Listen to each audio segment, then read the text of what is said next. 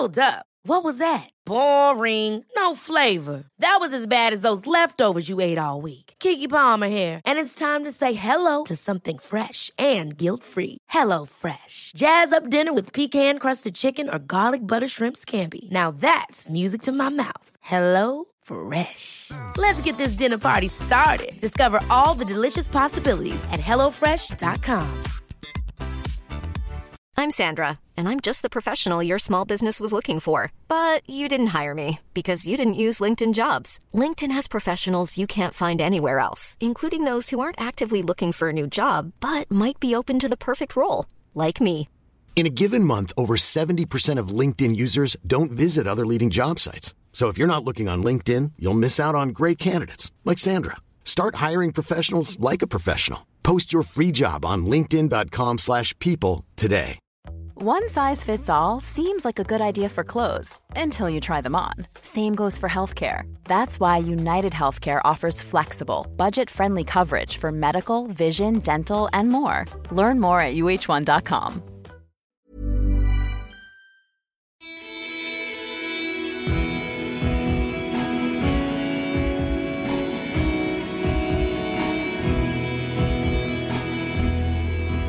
Hei, og velkommen tilbake til eh, Kaptare podkast.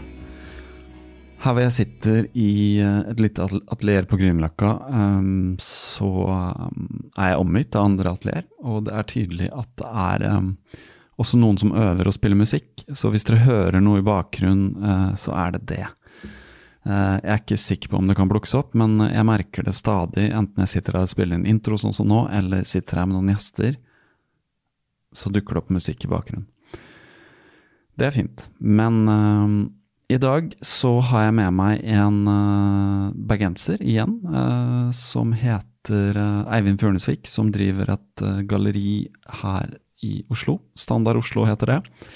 De stiller ut og selger samtidskunst av veldig mange av Norges dyktigste kunstnere.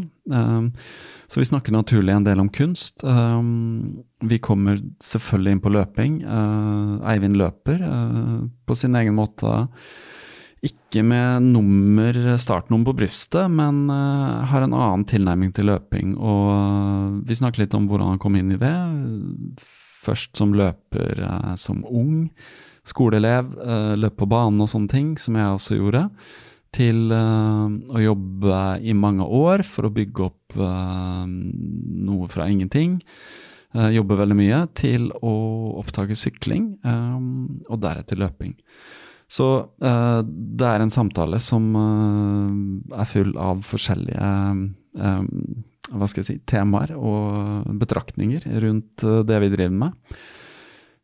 Jeg nevner også i løpet av den samtalen en webside som jeg legger link til, hvor man kan regne ut sin, uh, sitt karbonutslipp på flytur, hvor jeg har vært uh, inne og regna ut hva slipper jeg ut av eh, CO2 uh, når jeg tar flyet tur-retur Malaga for å løpe maraton. Så i dag betalte jeg en eh, sum på 30 euro til et miljøprosjekt som bidrar til å gjøre denne verden litt bedre. Um, jeg oppfordrer alle til å gjøre det, eh, som føler jeg har råd til det.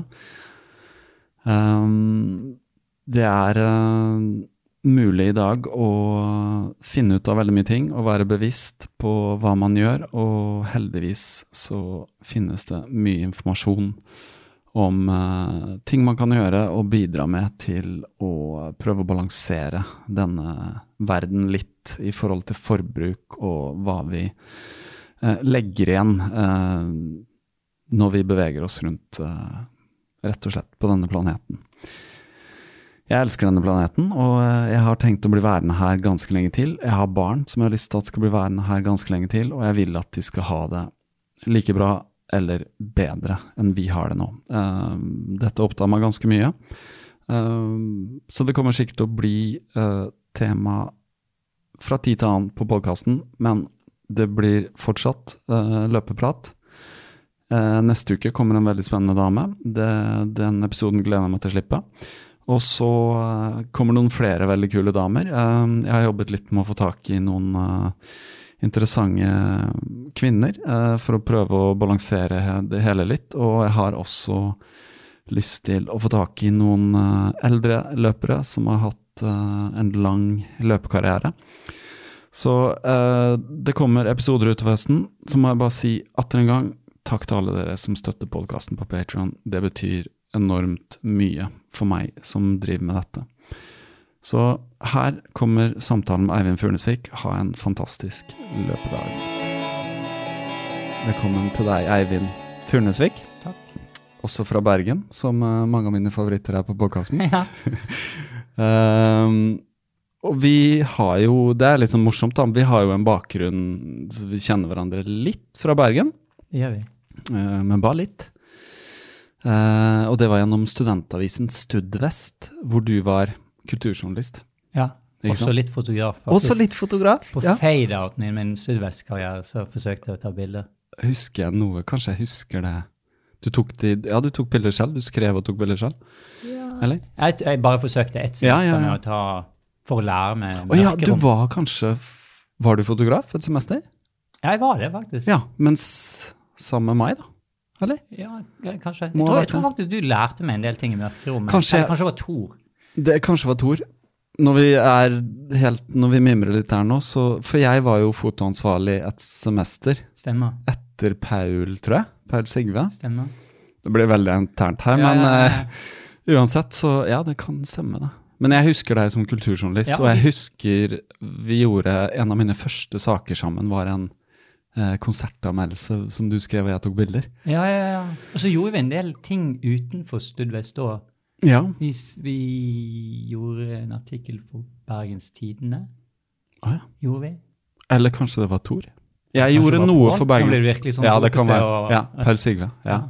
Men det var, men det var i hvert fall eh, Vi arbeidet, vi arbeidet mye sammen Ja, i den, ja, i ja, den perioden. ja. Det er en sånn eh, Det liksom går helt tilbake til mine studiedager som var fylt av så mye forskjellig. Ja, og ja. lange nachspiel og så videre. ja. Så hvordan er hukommelsen fra den tid? Men uh, Det, er jo, Det var- det er jo mer enn 20 år siden, så vi, er har, vi har lov ja, til å glemme noe. ja. Er, jeg husker kjernen i det. Det var veldig gøy å være i studentavisa. Det var gøyere for meg å være i studentavisa enn å studere. Absolutt. Jeg tror de fleste som var der, endte opp med å gjøre ting som de ble mer kvalifisert for av å være i studentavisen enn å studere i syv-åtte år på universitetet. Ja, det tror jeg skjedde også. Jeg snakker om Paul Segve. Det var nettopp en Eller den står ennå, ut, utstilling på Henny Onsdag Oh, ja. med norsk dokumentarfoto. ja, stemmer det. Der har han uh, masse bilder, Mm. så han ble fotograf. Og veldig Han dyktig ennå. Ja da. Og Det ble redaktører, og det ble, Ja, det ble forfattere, og det ble Ja. mye fint folk av ja. eh, Mye fint folk. ja. Så det stemmer det. Det, det lønner seg, det, dere som er unge å høre på, det lønner seg å gjøre ting ved siden av studiene. Det er gjerne det som former deg mer enn kanskje akkurat hva du studerer. Ja, så skal det samtidig sies at vi, vi var jo så bortskjemte at vi fikk lov å studere på et tidspunkt hvor Ja. vi ikke hadde den der BA-MA-strukturen. Så jeg husker jeg gikk jo på kunsthistorie, hovedfaget. Han som hadde vært der lengst, han hadde vært der i 26 semestre. Så han hadde forsøkt å skrive hovedfagsoppgave på 13 år. Så det var, det var på en måte tillatt å stoppe og lukte på blomstene og Ja, ja, ja. arbeide i studvest og gjøre mye ja, som ja. ikke var så matnyttig. Nei, ikke sant. Så. Nei, jeg husker jeg drev og utsatte uh, eksamen på sosialantropologi i flere semestre. Og det var jo bare grunnfag vi snakker om. Så jeg hoppa jo av lenge før jeg kom uh, noe særlig langt. da. Så jeg gjorde helt andre ting. Men det er en annen historie. For uh, grunnen til at du sitter her i dag, det er kanskje som en kombinasjon eh, Noe jeg har lyst til å snakke med deg litt om, er jo kunst. For du jobber innenfor kunst og innenfor kunstverden. Og det kan vi komme litt tilbake til. Eh, men så har vi jo Jeg vet, vet ikke helt hvordan vi har liksom blitt kjent her i Oslo igjen, men nå kom jeg på at jeg fotograferte en gang i Oslo for natt og dag. ja, stemmer det. Et litt Stemmer. absurd bilde hvor du ligger på På gulvet. Ja, en gamle standard Ved, siden av en sirkelsag med massevis av sagmygg på gulvet. Ja, Stemmer, altså- det var, tror jeg faktisk var den første Ja. Eh, ja, første artikkelen som gjaldt galleriet som der startet i Ja. 2005, Standard Ja. Oslo. Det var nok Ja, det var 2005. For jeg, jeg flytta i 2004 og hadde jobba for Natt og Dag i Bergen og begynte å jobbe for Natt og Dag her. Så jeg husker det bildet. Det fins jo sikkert på en krasja harddisk et eller annet sted. Hjemme hadde- hos min mor, ganske så Ja, I en stor bok med masse Ja, ja, ja, det- Det gjør det, men jeg tenker min digitale fil. vet du. For det var eh, Jeg, jeg skjøtte jo digitalkamera allerede den gang. Ja. Eh, også film, da. Men jeg husker du hadde en, en genser eller noe med en lomme. Du trakk opp en liten sånn, så var det rødt inni. Ja, ja. Så det så liksom litt sånn ut som du var lå på gulvet litt sånn død. Ja, ja det, var, det var en dramatisk genser. Kjøpt for mye penger i London da man ikke hadde mer penger enn hva studielånet var. Ja, ikke sant? Så jeg husker det. Satte, den satte virkelig dype spor i uh, semesteret, Ja. høstsemesteret 1998. Oi. Mye havregrøt ja, ikke sant. for å få råd til den genseren. Men så har vi jo eh, av en eller annen grunn uh, fulgt hverandre på Strava, og det du har gjort, er jo Du har sykla utrolig mye. Ja. Så du har vært en syklist, eller du er det kanskje ennå. Nå, nå virker det som du løper mer enn du sykler, men uh, ja, i år så har jeg nesten ikke syklet. nei. Fikk det for meg at jeg skulle kanskje forsøke å gjøre noe annet. Ja, ja. Men hvordan begynte det her med for å ta det først da, syklingen? Det er jo en del som kommer fra sykling til løping, og det virker ikke som det er så mange som går andre vei. Nei, det, det er jo absolutt ikke tingen å gjøre. Alle blir jo fortalt at uh, løping er så vondt for kroppen, så Ja. det å sykle skal være så mye smartere, for det er mindre belastning på alt av ledd. og... Ja. Øh, nei, det er sånn eh, Sånn som det startet, var vel egentlig Altså, syklingen startet jo sånn eh, I hvert fall i voksen alder, så, så kom det bare som en sånn pyr konsekvens av at man er selvstendig næringsdrivende, sant? Eh, og, og forst- forstår at man driver eh, en eller annen form for rovdrift på seg selv. Mm. At det eh, altså du selv har jo eh, vært i den situasjonen at du tjener til livets opphold kun med de produktive timene du har, og da blir det veldig mange timer av døgnet som blir satt av til å være produktiv. Og så blir eh, kosthold og helse og alle andre ting blir bare saldert bort. Og så plutselig så går man på badevekten, og så har det blitt veldig mange flere kilo enn det man husket at det skulle være, og, og, og man føler seg litt, eh, litt uh, uvel og uproduktiv. Da. Så da uh, ble det til at jeg faktisk på en reise var i Seattle i Washington State i USA, at det ble å hadde en eller annen merkelig ekstra sum med penger på konto, så da bare trakk jeg kortet på en, på en sånn uh, specialized uh, heldempet terrengsykkel. som, jeg, som jeg da eh, brakte tilbake til Norge. Og så hadde jeg en sånn eh, Fikk det inn en sånn rutine å stå opp tidlig om morgenen eh, og sykle på sti opp til Ullevålseter. Stort sett egentlig den samme ruten hele veien. Og så Og det, det var sånn komme opp tidlig og se soloppgangen. og Det var veldig sånn rikt. Men så innså jeg etter hvert at den der heldempede sykkelen som du skulle sykle fra midt i Oslo sentrum, og så, øh, og så skal du liksom på asfalten, og så skal du inn på grusen, og så skal du inn på stien. At du, og når du da kom til enden av stien, så innså du at ah, nå begynner arbeidet liksom om 20 minutter. Så nå er det bare å blæste ned igjen til byen. Det var egentlig veldig liten tid som jeg brukte for hva egentlig sykkelen var ment for å gjøre. Sant? En, mindre enn en kvart var liksom på sti. da. Så da gikk jeg hen og kjøpte meg eh, racersykkel eh, for å være litt mer effektiv, da, i kombinasjon med at det hadde vært noen heidundrende dårlige somre i Oslo med mye regn, og eh, det ble aldri tørt på stien. da. Eh, Når, når var dette? det her var sånn 2007, så det var to år etter å ha startet galleriet. da. Så eh, ja, for jeg husker eh, en venninne av meg som åpnet galleri nå tidligere i, i, i år i New York, og så var rådet til henne var sånn at eh, eh, du kommer til å legge på deg veldig mange kilo. Du kommer til å virkelig føle at du gjør vold på deg selv. Men etter to år så kommer du til å få en åpenbaring, og da kommer alt til å forandre seg. Da kommer du tilbake inn til vanlig form. Så, um, så det var det som skjedde. Og den, eh, med, med, med landeveissykling så Ja, så Jeg vet ikke. Jeg, jeg, jeg fant vel eh, også en, altså Noe til det fine med den jobben jeg har, som innebærer mye reising, er jo at jeg fant ut at jeg kunne ta med meg sykkelen der jeg reiste, og at det ble en måte å Sånn utover rent dette sånn å holde seg i formen, at det ble et verktøy for å se. Eh, og, og, og, og, og kunne erfare mer og kunne bevege seg gjennom et landskap på en måte som gjør at man registrerer mye mer enn hvis man sitter i baksetet på en bil eller sitter på et tog, i hvert fall sitter på et fly. Så, så, det, det gjorde at det ble veldig mange flere kilometer for hvert år. Og, og, Og bedre og bedre form, da.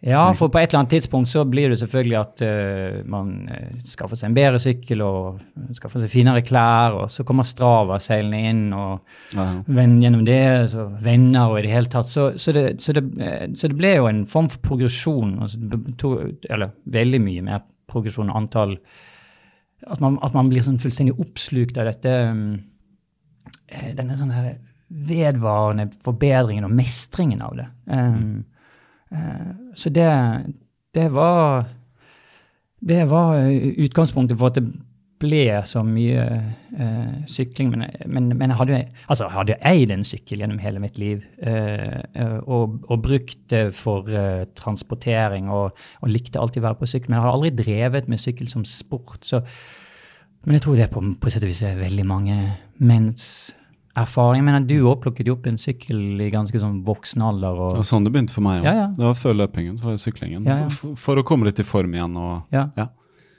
Og så Jeg oppdaga på en måte det, det, var, det var faktisk Strava som nesten fikk meg ut på det. For jeg hadde en, en venn i Bergen som var sånn Ja, du må laste ned Strava. Ja, hva er det? Ja, det er sånn liksom logger turene og bare, ah, kult, liksom. Ja, ja. så plutselig ble det gøy å se ah, hvor langt jeg sykla. Oh, 15 km, jøss, liksom. En halvannen mil. altså.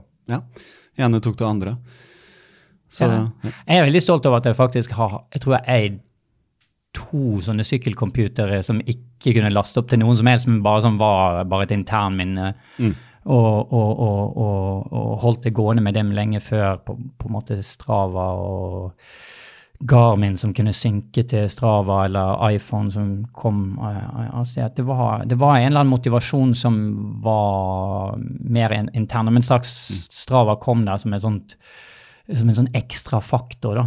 Altså man kunne, At man kunne holde et eller annet form for arkiv. At man kunne veldig sånn eh, ja, uten noe videre problem måle sin egen progresjon. Og at man kontra det der å så sykle Altså man kunne stadig sykle på egen, egen hånd, men man følte kanskje man var på en del av et fellesskap. Mm. Al- Altså at, og man kunne lære eller ta inspirasjon fra andre som man ikke nødvendigvis syklet med. Mm. For du, du, du har, det virker som du har hatt en sånn gjeng som dere har sykla med. Eh, Ja, etter hvert så ble det ganske mye fasong på det. Lange turer. Lange turer og diverse eh, holdt på å si, fiktive klubber eller reelle klubber med klubbtøy og, og, og, og ja. eh, Hva, hva het noen av de? Jeg husker. Ja, vi laget faktisk et, eh, vi laget et, eh, et standard racing som er som en slags un underfilial. Så det er jo et galleri som heter Standard Oslo. Eh, Så da eh, tok vi del i i hvert fall ett ritt hvor vi hadde eh, fått eh, spons på tøy, og det var, det var koordinert og ehm, Ja, det, det, det, så eh, rimelig proft ut. Ja. Til forveksling lik et ordentlig Ja. lag. Og noen, eh, jeg har sett noe, jeg husker ikke navn, men noen skjøt sort-hvitt bilder og veldig Ja. estetisk og Der er altså fikk bilder i kanskje magasiner og sånne ting òg. Det ble litt, litt sånn stil på ting. Eh, Ja, kan eh, eh, Altså, eh, den, den kretsen som jeg har vært en del av i mange år, er jo tjåka full av esteter av ulike slag. Altså, der er, jo, der er jo et overskudd av arkitekter og industridesignere. og og selvfølgelig etter Instagram så er det ikke måte på hvor mange som eier et sånt halvfjank kamera som kan eh, både levere til Instagram og kan blåses opp i plakatformater. Så der, eh, det, har, det har blitt litt sånn eh, Ja, det har blitt litt eh, dokumentert. ja, ja. Har du noen bilder på veggen fra noe sånt? Nei. Nei, Nei, det- bryr jeg ikke så mye om det.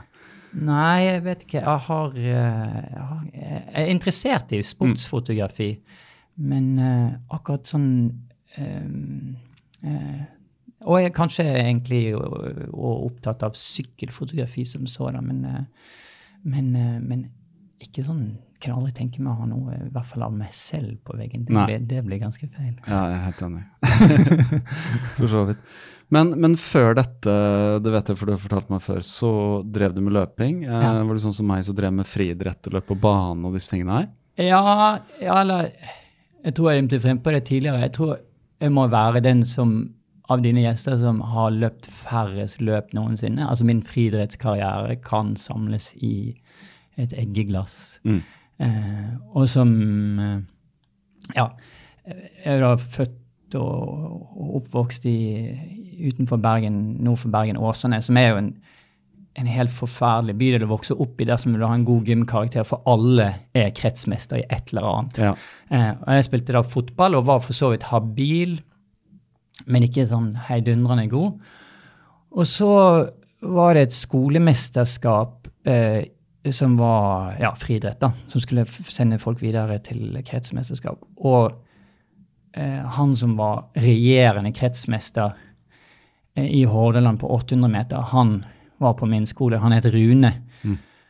Og eh, jeg stilte til start i samme, eh, samme løp som Rune. I min første 800 meter gjorde den på en måte sett og vis klassiske tabben når det kommer til 800 meter, nemlig å ikke ta inn over at 800 meter er 800 meter langt.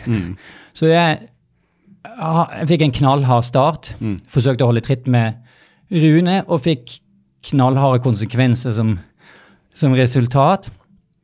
Og øh, husker egentlig ingenting av det, men det jeg husker var at jeg kom inn i mål som nummer to, og at jeg var helt utmattet, og at jeg bare med en gang kastet opp.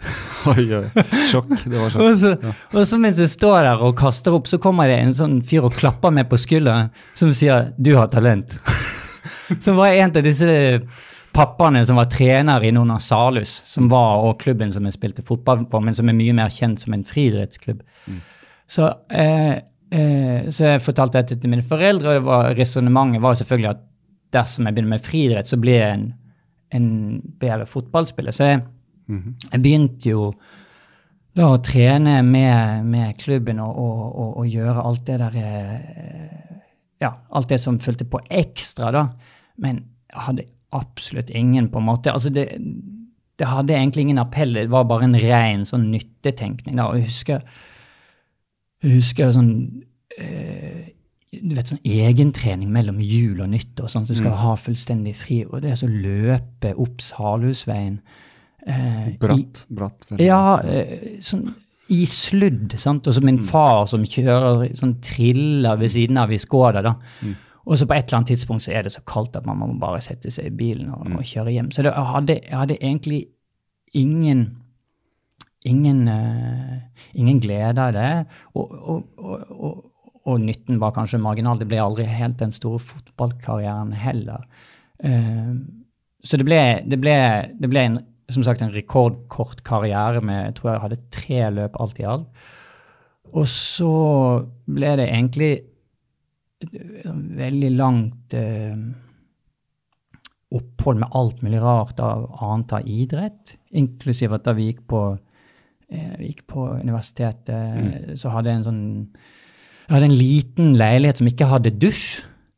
Så, så, Bergen, ja. Ja, så så jeg hadde, jeg hadde toalett, men hadde ikke, hadde ikke en dusj. Så jeg bare eh, Alt som var idrett på studentsenteret, spilte innebandy, spilte, jeg spilte fotball, spilte basketball, Mm. alt en slags for å Egentlig bare først og fremst bare for å sørge for, ja, ja, for å få dusj og holde hygienen. Det er jo tross alt en, det er jo en viktig del av ens fase. og Ja. Man skal, være, og skal ha en viss sånn uh, appell. Mm. Så Du kan ikke gå rundt og bare lukte vondt på universitetet. Nei, og studentsenteret var jo også der vi hadde studvestkontorene, Studvest-kontorene, og så var det idrettshall og Stemmer, stemmer, stemmer. Det er jo revet nå, så bygde de et helt nytt. Det er jo kjempeflott. Ja, ja, ja. Med basseng og alt. Det har blitt, eh, blitt standsmessig for et, eh, for et ganske sånn fortvilet stygt bygg fra 1970-tallet, Ja. som helt sikkert var veldig usunt å være i også.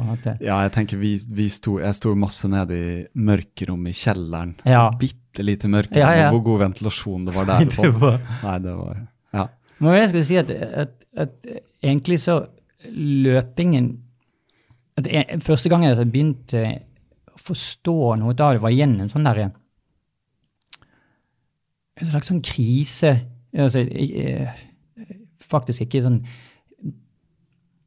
Ikke så mye den der eh, at jeg er i dårlig form, da, men eh, jeg hadde drevet galleri eh, i hva var det da, drøye tre år da den finanskrisen inntraff. ja. 2008. Riktig. Cirka, ja. Så Lehman Brothers kollapset. Og, og, og, og jeg hadde kanskje litt dårlig forutsetning for å forstå hva som skjedde. Eh, eh, at, at plutselig så kjørte kunstmarkedet med, med brekket på, mm. og at veldig lite ble solgt. Og, Ja, men for det investeringene, bare så vi har liksom eh, forklart det, det stopper jo opp. ja. Ingen visste verdiene. Nei, ikke sant. Ingen visste verdien av noe som helst, og, og da Ja. kommer uh, kunst veldig kvikt ut Mm. på, på, på eh, ja, Det kommer helt i bunn. Altså, Det trenger du ikke. Nei. Hvis du ikke kan betjene lånene dine, så skal Nei, du i hvert fall ikke bruke penger på mat på bordet og sted å bo. sant? Så, så um, ja, jeg hadde, jeg hadde kanskje ikke helt verktøyene for å gjenkjenne det, men jeg, men, men jeg hadde jo den store fordelen at jeg hadde, jeg hadde arbeidet eh, hardt for å få mye til å skje, og jeg hadde, jeg hadde um, ja, jeg hadde eh, på en måte evnen til å gjøre ekstra arbeid, eh, hive inn ekstra timer da, hvis det var påkrevd. Og, og mens jeg da var i London for, eh, for en sånn kunstmesse altså sånn, Det finnes jo messer for alt mulig rart, alle, alle, alle felt som trenger å møtes noen ganger i år og trenger å presentere nyheter og, og, og selge varer. Eh, og kunstverk er jo en vare, det også. Sant? Eh, og jeg lever jo kun av å selge. Så, så det er en viktig Faktisk pågår også denne uken her i London. Um, Hvor du kommer fra i går, faktisk? Eller? ja. Ja. Eh, og da, eh, da husker jeg at, eh, ha- eh, at jeg tenkte at det, det er å bruke løpingen som sånn verktøy for å på en måte disiplinere en selv For det, for jeg tenkte jeg tilbake til den der, eh, det der eh, med trening og, og gjøre ting som var så grunnleggende kjedelig, men at det bygget på sett og vis en karakter. Så jeg så gikk tilbake til det der fundamentet at man man, man liksom bare, nå må man lære seg å tåle. Mm. For det, du, du, du, blir, du blir avkrevd for en situasjon som er ukomfortabel, og du må på en måte du må bygge dine evner gjennom den her. Så, så, eh, så jeg hadde tatt med meg løpetøy. Vi skulle gjennomføre messen en uke i løpet Ja, i, og den er lokalisert eh, i London, rett eh, i Regents Park, som jeg skulle løpe rundt i. Og så hadde jeg gjort det som jeg har bare gjort én eneste gang. Jeg hadde én ansatt. Jeg kunne ha, ha råd til å ha én ansatt i den tiden, og det var en, en fyr som het Anders. Så jeg hadde, jeg hadde eh, booket ett hotellrom med to sånne senger som vi skulle dele, og, og som jeg aldri hadde tenkt før eller siden at det er noe særlig smart i forhold til sånn komfort og in, intimitet og alt den slags. Men vi hadde så dårlig råd at her må vi bare liksom skjære inn til beinet. Uh, og så fikk jeg erfare første natten at Anders snakker i søvne. Han snakker i, i hele setninger og hele avsnitt. Eh, og, og så da jeg eh, tok mot til å vekke ham og si du må liksom legge det på siden, eller den slags, så var han veldig sånn unnskyldende. Men så, etter fem minutter, så ble det mer av det. Så det som endte opp for hele uken, var at jeg, eh, jeg løp enormt mye, for jeg løp midt på natten. Oi. Så, så jeg fikk ikke sove. Så jeg tok, jeg tok løpetøy. Så jeg, jeg husker jeg hoppet over gjerdet i Regents Park, som åpner klokken fem om morgenen, da, for å kunne løpe og på sett og vis eh, ja, gjøre, en- gjøre nytt, nytte av meg selv. Jeg føler at jeg, at jeg ikke endte opp med å bare akkumulere søvnmangel og megafrustrasjon. Ja, det, det er jo det verste å ligge i sted og ikke få sove. Om det er noen andre eller sin egen et eller annet, er jo Ja. Det, Ja. Så, så, så da Jeg tror det var Selv om det jeg, Altså, jeg er jo, jeg er jo en Har alltid vært en, en, en amatør. Det er bare spørsmål hvilken eh, Altså amatør som betaler kontingent, eller amatør som løper og logger eh, eh, på en måte mil til Strava. Da. Men den eh, Ja, det, det, det, det, var det øyeblikket hvor jeg forsto at dette har en form for verdi. da. At det har en At, at, at, at alle de tingene som jeg tenkte var kjedelig eh, som barn, som hadde ingen, ingen, ingen overføringsverdi, ingen appell, at det, at det plutselig fremstår som noe som jeg vil forstå at jeg vil være inni det, at jeg vil, at jeg vil beherske det. Det- Dette var i 2008? Ja. ja, ja. Nei, eller det var, det var faktisk et år etterpå, det var i Ja, ja. 2009. Men, men, men, men jeg tror på sett og vis det var den, et år å være marinert i disse realitetene var det som gjorde at jeg tok inn over at så her må vi komme opp med en eller annen Mm. løsning. Og faktisk, eh, ja, vi karret oss ut av, eh, av uføre med, med, det- med, ja, med denne høsten. Så, Mm.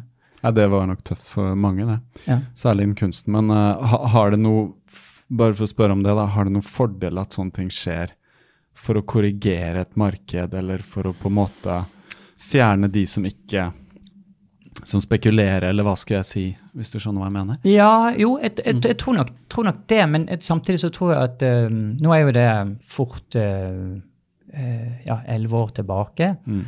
Og at det som eh, Det som gjerne skjer, er at eh, eh, kunstmarkedet blir filleristet, men blir også litt mer konservativt. Mm. Sånn at der folk uh, kjøpte mer av Vi hadde f.eks. Uh, veldig mye salg av kunstnere som arbeider med film og video uh, som, ja, som kunstverk. da. Eh, eh, at vi solgte godt av dem, eh, og solgte mye fotografi og den slags. Men når en sånn erfaring, eller en sånn situasjon oppstår, og de som bruker penger, tenker over hvordan de bruker sine penger, så blir de litt mer eh, engstelige for å skylde lag med penger for noe som kan miste verdi over natten en gang til. Og da, sin maleri er i toppen av hierarkiet for salgsobjekter, så har det vært egentlig mye mer eh, fokus på maleri Mm. som investeringsobjekt siden. Men siden, når vi først er inne på det, nå er det jo mange som hører på dette som sikkert har veldig forskjellig forhold til kunst. da. Ja. Men hvis du vil forklare på en måte Hvordan skal jeg si det? Det er vanskelig å si det enkelt, men hvordan liksom fungerer Når vi snakker om kjøp og salg av kunst, for Mm. mange forholder seg til kunst som om det er noe kanskje det offentlige gjør, eller at kunst er på museer og sånne ting. Stemmer. Eh, men vi snakker jo om moderne kunst. Ja, Eh, samtidskunst. ja, samtidskunst, ikke sant? Som er kanskje mer abstrakt for noen. eh, og Ja. ikke helt forstår liksom Hvordan vil du si, hvordan fungerer det? sånn som Hva, hva, er din rolle som gallerieier? Altså, Ja. er du først og fremst Selger du de du representerer, eller er- investerer du også i kunst? Og hvordan fungerer liksom et sånt marked, da? Ja. Du kan si at uh, ja, For å ta det skjematisk, så er jeg eier av et kunstgalleri. Et kunstgalleri som sagt som heter Standard Oslo, som har eksistert siden 2005.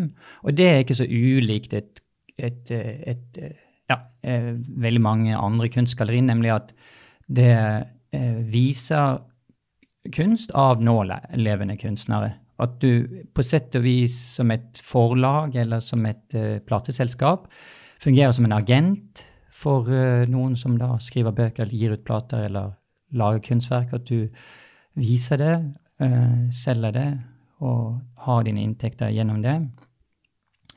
Uh, og det, i vårt tilfelle, så innebærer det at uh, eldste kunstneren er født i 1960, og den yngste er født i 1990.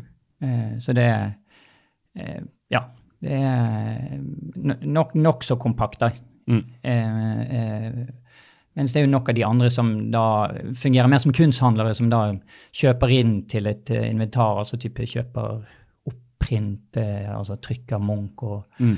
og selger det. Det er ikke helt på det viset vi, vi fungerer. Vi, vi har veldig tett samarbeid med de kunstnerne vi, vi, vi viser. Gjør eh, syv utstillinger i løpet av året og gjør, som jeg allerede har nevnt, disse messene som bringer oss ut av Norge. Mm. Det finnes tross alt flere mennesker, inklusiv kjøpende mennesker utenfor Norge enn det finnes Ja. i Norge. Det er ganske viktig, eller det er ganske essensielt for å overleve at man, eh, at man klarer å lokalisere eh, jeg håper å si, støttespillere utenfor landet. Det er Mm.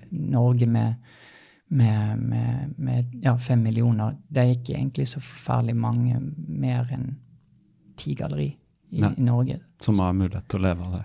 Ja, som, som på, på, har en eller annen modell hvor det er liksom Mm. Noenlunde Så når du reiser rundt på de store messene, Mm. så er det for å uh, presentere de kunstnerne som dere Ja. uh, representerer, og Ja. selge de, rett og slett? Riktig. Ja. 27 av dem har vi. ja. Så det er Så hvordan fungerer det? Man, har, man får en plass i en Riktig. sånn boot, liksom? Man betaler. Uh, man betaler. Man betaler veldig Ja, mye penger. Ja, sånn beroende på hva som er messen, så kryper det fort opp i en million kroner. Såpass, ok. Ja. Ja. Så det er dyre kvadratmeter, men mulighet til å selvfølgelig treffe et publikum som Ja. er For da, de som kommer der da, er interessert. De ser etter Mm. investeringsobjekter, kall det det, da. ja, ja, eller det er en miks av Du kan si at det er en miks av kunstsamlere, museumsdirektører, kuratorer, Ja. kritikere, beslutningstagere innenfor Mm. feltet av samtidskunst, da, som eh, på sett og vis vil oppdatere seg selv, vil, vil, vil, vil kjøpe, vil gjøre research, vil eh, Mm. Ja.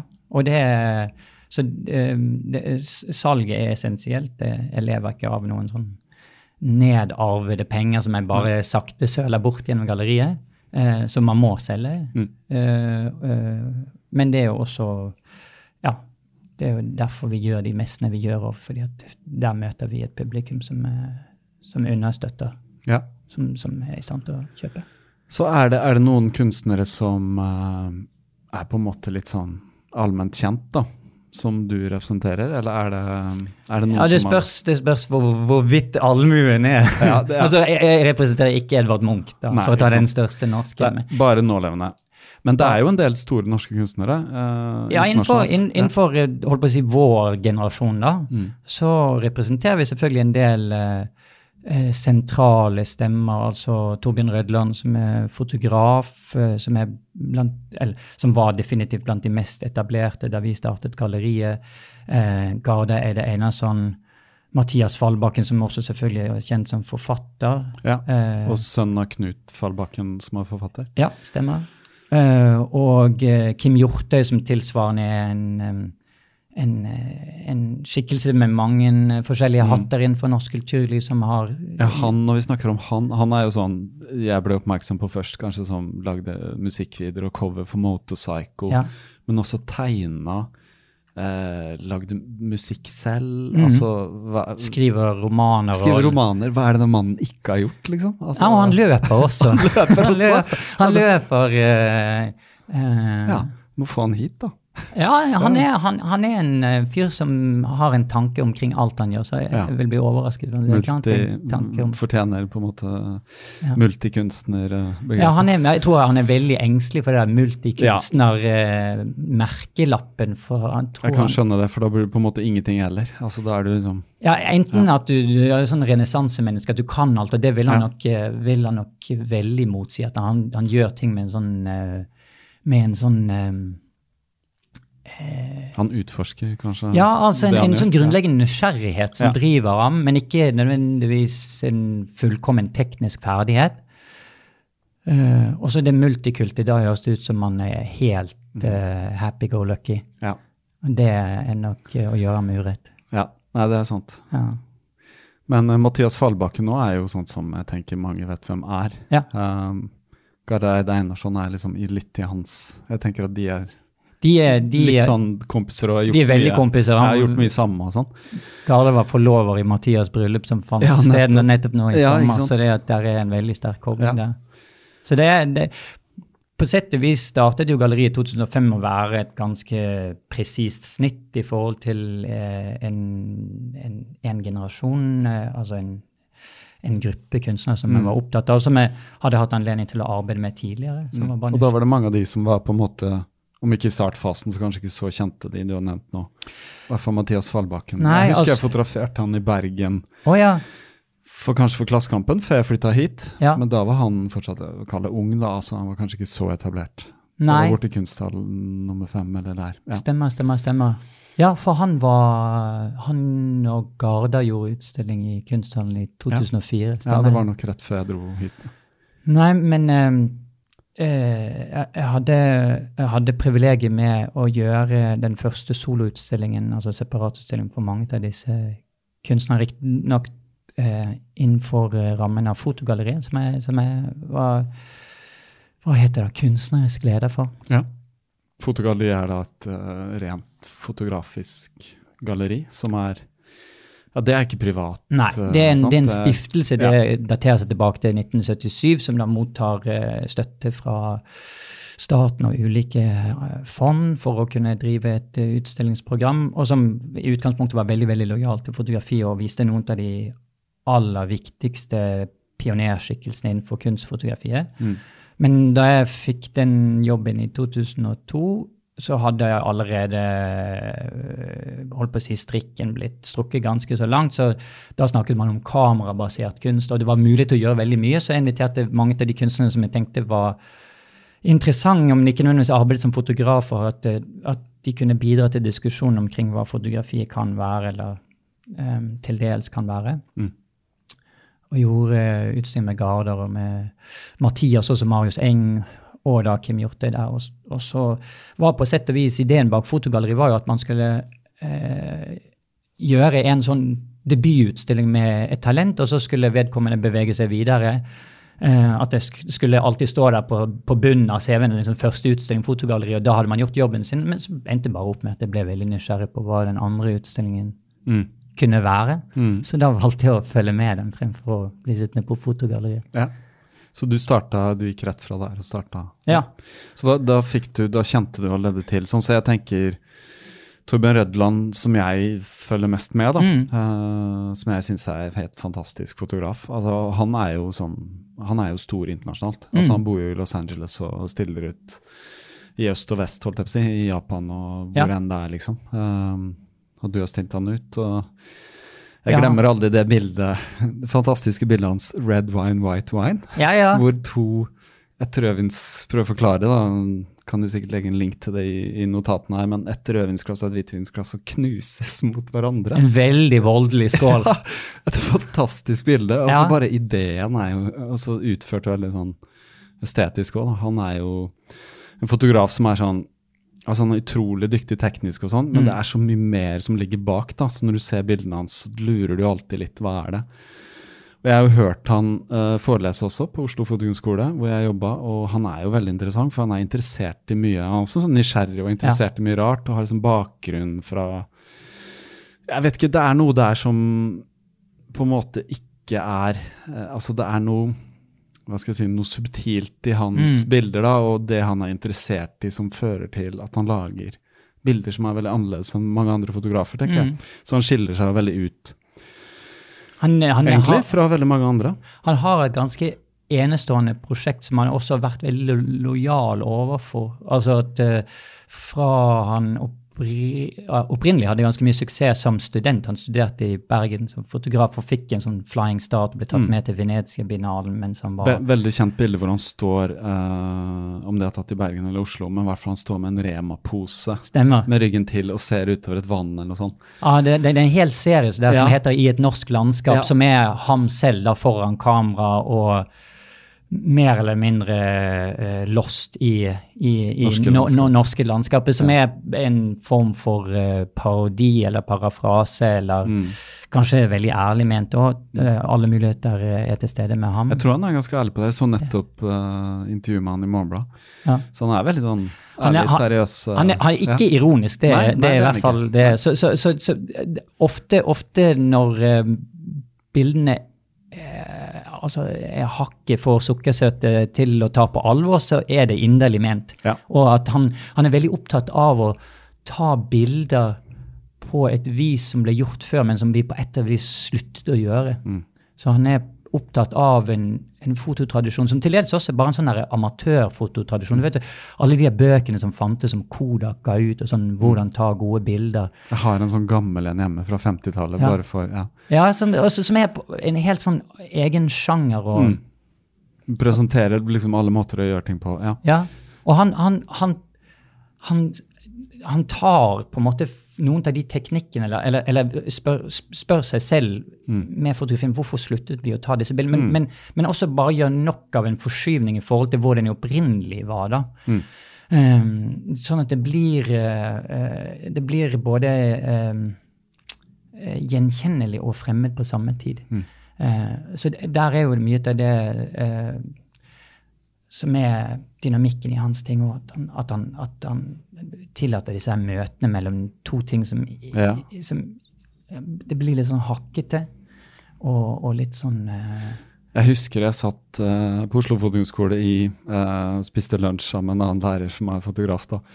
Og så slo han opp i et eller annet blad, eller noe sånt, og så var det Torbjørn Rødland-bildet nytt. Så sitter han fotografen så også underviser bare og sånn, sier liksom Dæven, det er bare så spot on, liksom. Han Ja. ble helt sånn Ja. åh, Hvordan klarer han det? ikke sant? Det var sånn måten han så det på. var sånn. Og da var det et sånn En eller annen dame, da, ofte litt sånn, har blitt kritisert for å fotografere kvinner og hvordan han presenterer de og sånn. Men allikevel, det er litt sånn ærlig ment. Men det, det var et lys akkurat mellom beina hennes Mhm. som kom ut, så det er bare sånn Wow, liksom. Altså, men allikevel så er det noe, det er noe subtilt over det. og eh, Du tenker hele tiden Sånn jeg tolker det, er det på en Ja. måte det som er ment, eller, eller hva er det han mener, eller hva er det liksom her?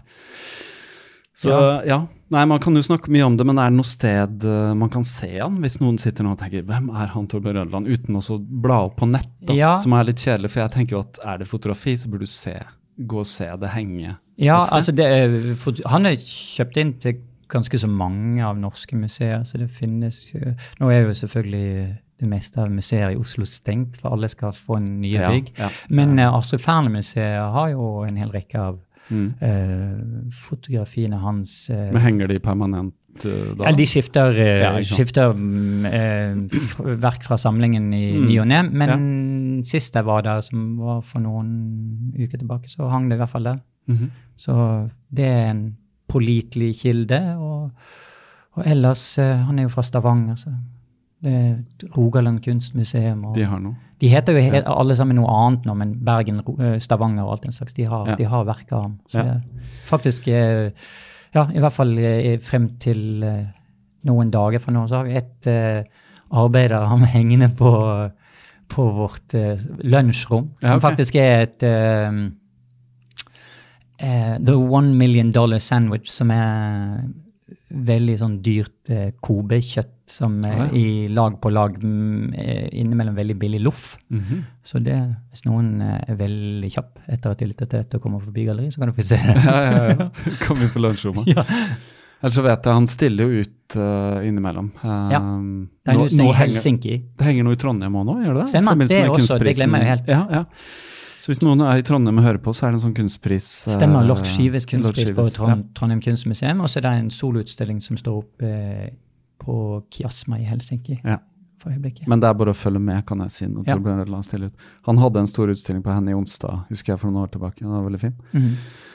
Ellers er det bare å følge ham på Instagram. Han, eh, Han er meget aktiv på Instagram. Han er aktiv på Instagram, og det husker jeg det var noe merkelig med hans Instagram-konto før het et eller annet veldig rart, husker jeg. Det var en sånn, Kalte seg The Yellow Shell Ja. eller noe sånt. Ja, Før han ble Rødland Jepek.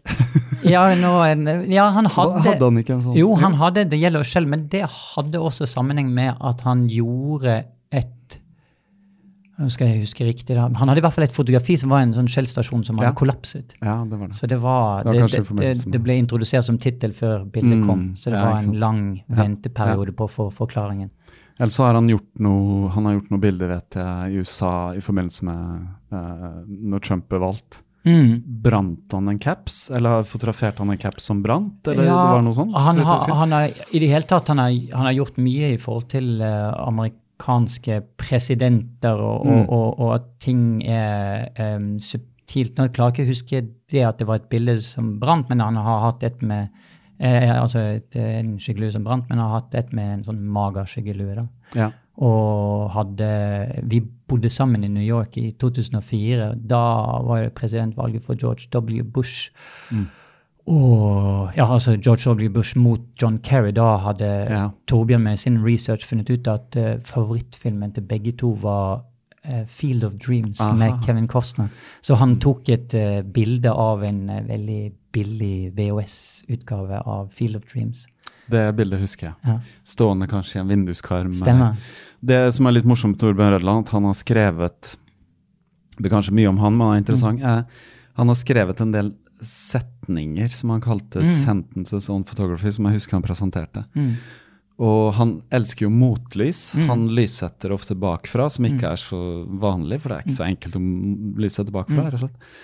Eh, og jeg husker han hadde en av setningene som er uh, A backlit photography is a pregnant photography, eller noe sånt. Som Ja. er så utrolig sånn fin Hva betyr det, liksom? Altså, Ja. for å Bære noe med seg, eller Ja, en del sånne ting. Og, og jeg tror han også skrev noe sånt som at Irony should be applied in homeopathic doses. Ja, ja. så det er bare sånn veldig, veldig, veldig fortynnet ironi, ikke sant? Ja.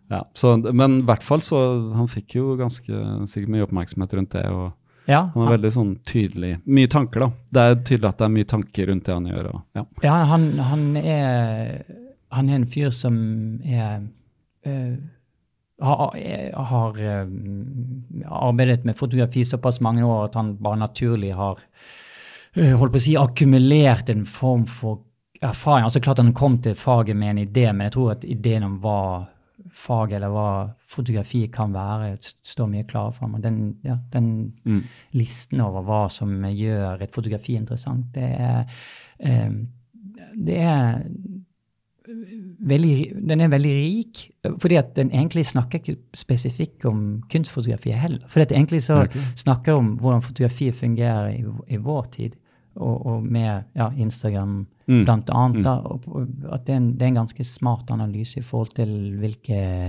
virkemidler som gjør at vi blir forført. Ja. Um, så det, hvis man vil forstå fotoretorikk, les den teksten. Ja, ja. Og det tenker jeg er egentlig sånn så Jeg har jo vært på Oslo Fotokunstskole og undervist og sånn. Selv om jeg var teknikklærer, så var vi veldig opptatt av foto som språk. ikke sant? Mm. Og hva formidler fotografi, og at det er et språk som må læres, akkurat som alle språk. da. Mm. Og jeg tenker at egentlig er det ganske viktig for de fleste i dag, for i dag er vi alle fotografer Mm. gjennom Instagram og Facebook, og vi deler bilder og sånn. Så ja, kanskje en liten oppfordring der til å Ikke gå rundt og være fotoanalfabet. Nei, ikke sant? For det, ja, ja, det, det- kan sies sånn, egentlig. Fordi det er mange lag i fotografi. at fotografi virker egentlig i utgangspunktet så enkelt Ja. å forstå. at det du ser, er jo det som er. Ja. Men det er jo ikke det. Det er jo så subjektivt som alt. Og det er ikke noe sannhet i fotografi. Nei. Altså, ja, og Samtidig så er det det som gjør det så interessant. For det er på en måte kall det ekte. da. Altså Ja. Det du ser, er jo på en måte ja, en refleksjon av virkeligheten. Ja. Altså, ja. Men uh, flott at dere har han i uh, staden. Ja, det er vi Ja, stolt over. Det skjønner jeg godt. Mange, mange års samarbeid som eh, Ja. vi har lært mye av. også. Ja. Men ellers er det, du nevnte maleriet som liksom toppen av hierarkiet Mm. og sånn. Har dere noe fokus på maleri? Er det malere? Ja, ja. Ellers hadde vi ikke klart å overleve. Nei, ikke, sant? Nei, vi, vi, vi, Og så er det også interessant at eh, du vet noen av disse kunstnerne som jeg kanskje ble kjent med for eh, ja, mer enn 20 år siden, faktisk fra den tiden Garda uh, ble jo kjent med at jeg skrev anmeldelse av en utstilling i Studvest, hans første utstilling. utstilling, ja, okay. som var på realfagbygg i Bergen. Mm. Eh, så klart at når du blir kjent med noen for ja, 23 år siden, så er det ikke garantert at de holder fast ved den måten de arbeidet på, eller det de arbeidet med den gangen. Så veldig mange som ikke var malere, ble etter hvert malere, eller veksla inn eh, og ut av ulike eh, ulike mm, ja, form for Teknikker, metoder da, og teknikker. ja. Men eh, vi har noen som også må sies å være eh, helt eh, rene malere, og det, det Ja.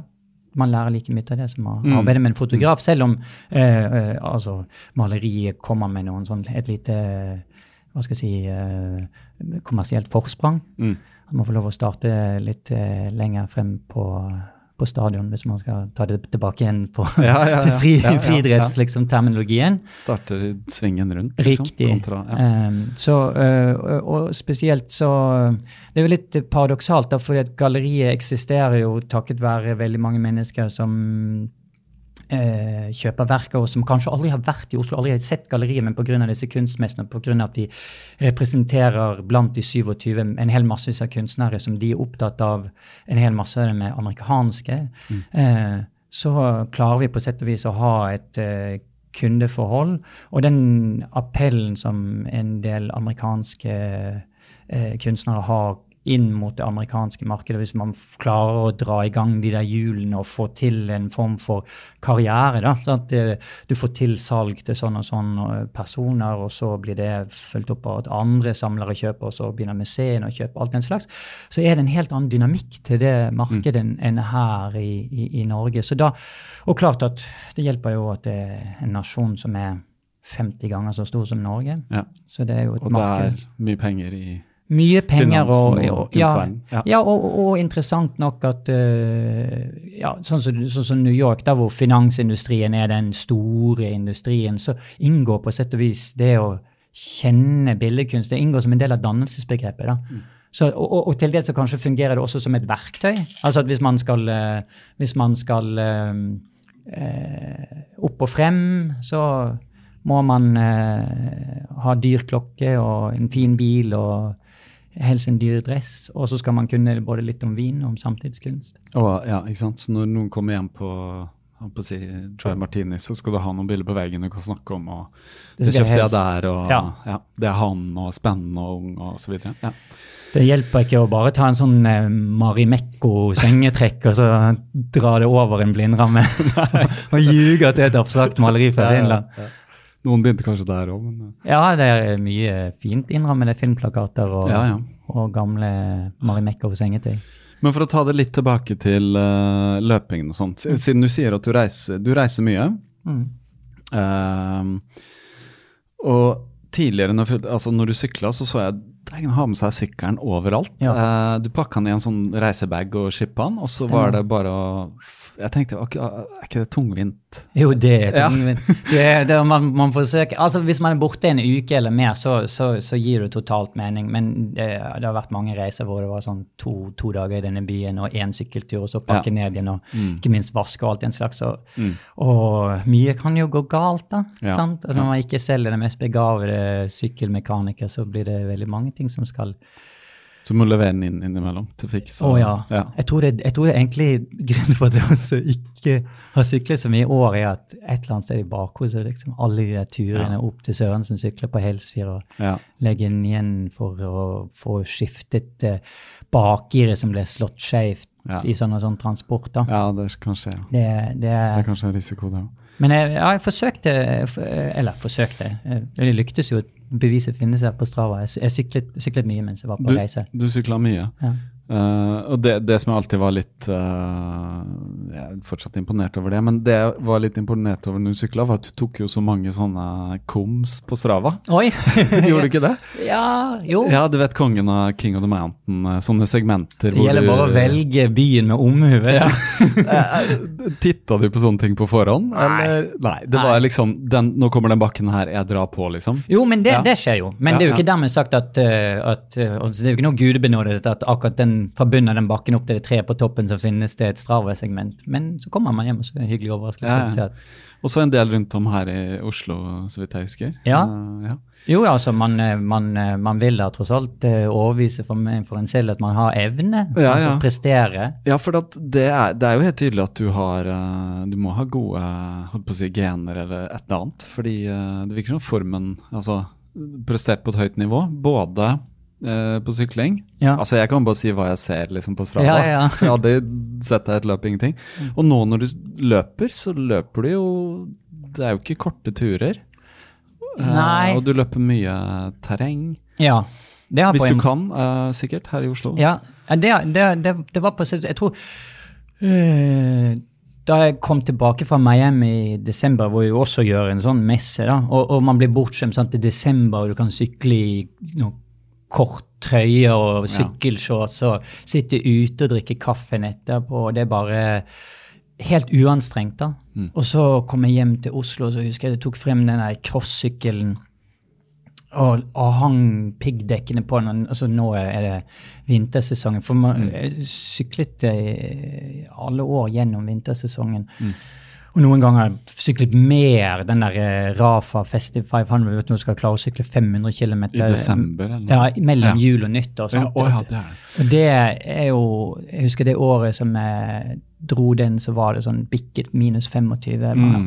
Og så, så det er et eller annet med at når man har vært sånn bunnfrossen, så Mm. gjør man med stadig litt mindre vilje. Så det der, de dekkene ble bare hengende på styret veldig lenge for Mm. at det skulle skifte over. Og at, det, at den der eh, solen som hadde liksom kommet inn i kroppen da, med det Miami-oppholdet, at det, Mm. man ville liksom holde på den lengst mulig. For det er i desember. Ja, Ja, det var desember nå som var. Og så hadde jeg gått hen og så kjøpt um, sånne eh, løpesko med pigger. Mm. Som jeg husker å anbefale å kjøpe, for du løper bare på sånne selvpiggede sånne Nei, vet du hva, jeg må innrømme jeg gjør ikke det engang. Jeg gjør ikke det Jeg har bare snakka Du bare sklir sidelengs hele, hele desember. Jeg håper at det skal gå bort, Ja. så går det aldri bort. Og så. Nei, men det som skjedde var eh, For jeg er heller ikke noe særlig interessert i å gå på ski.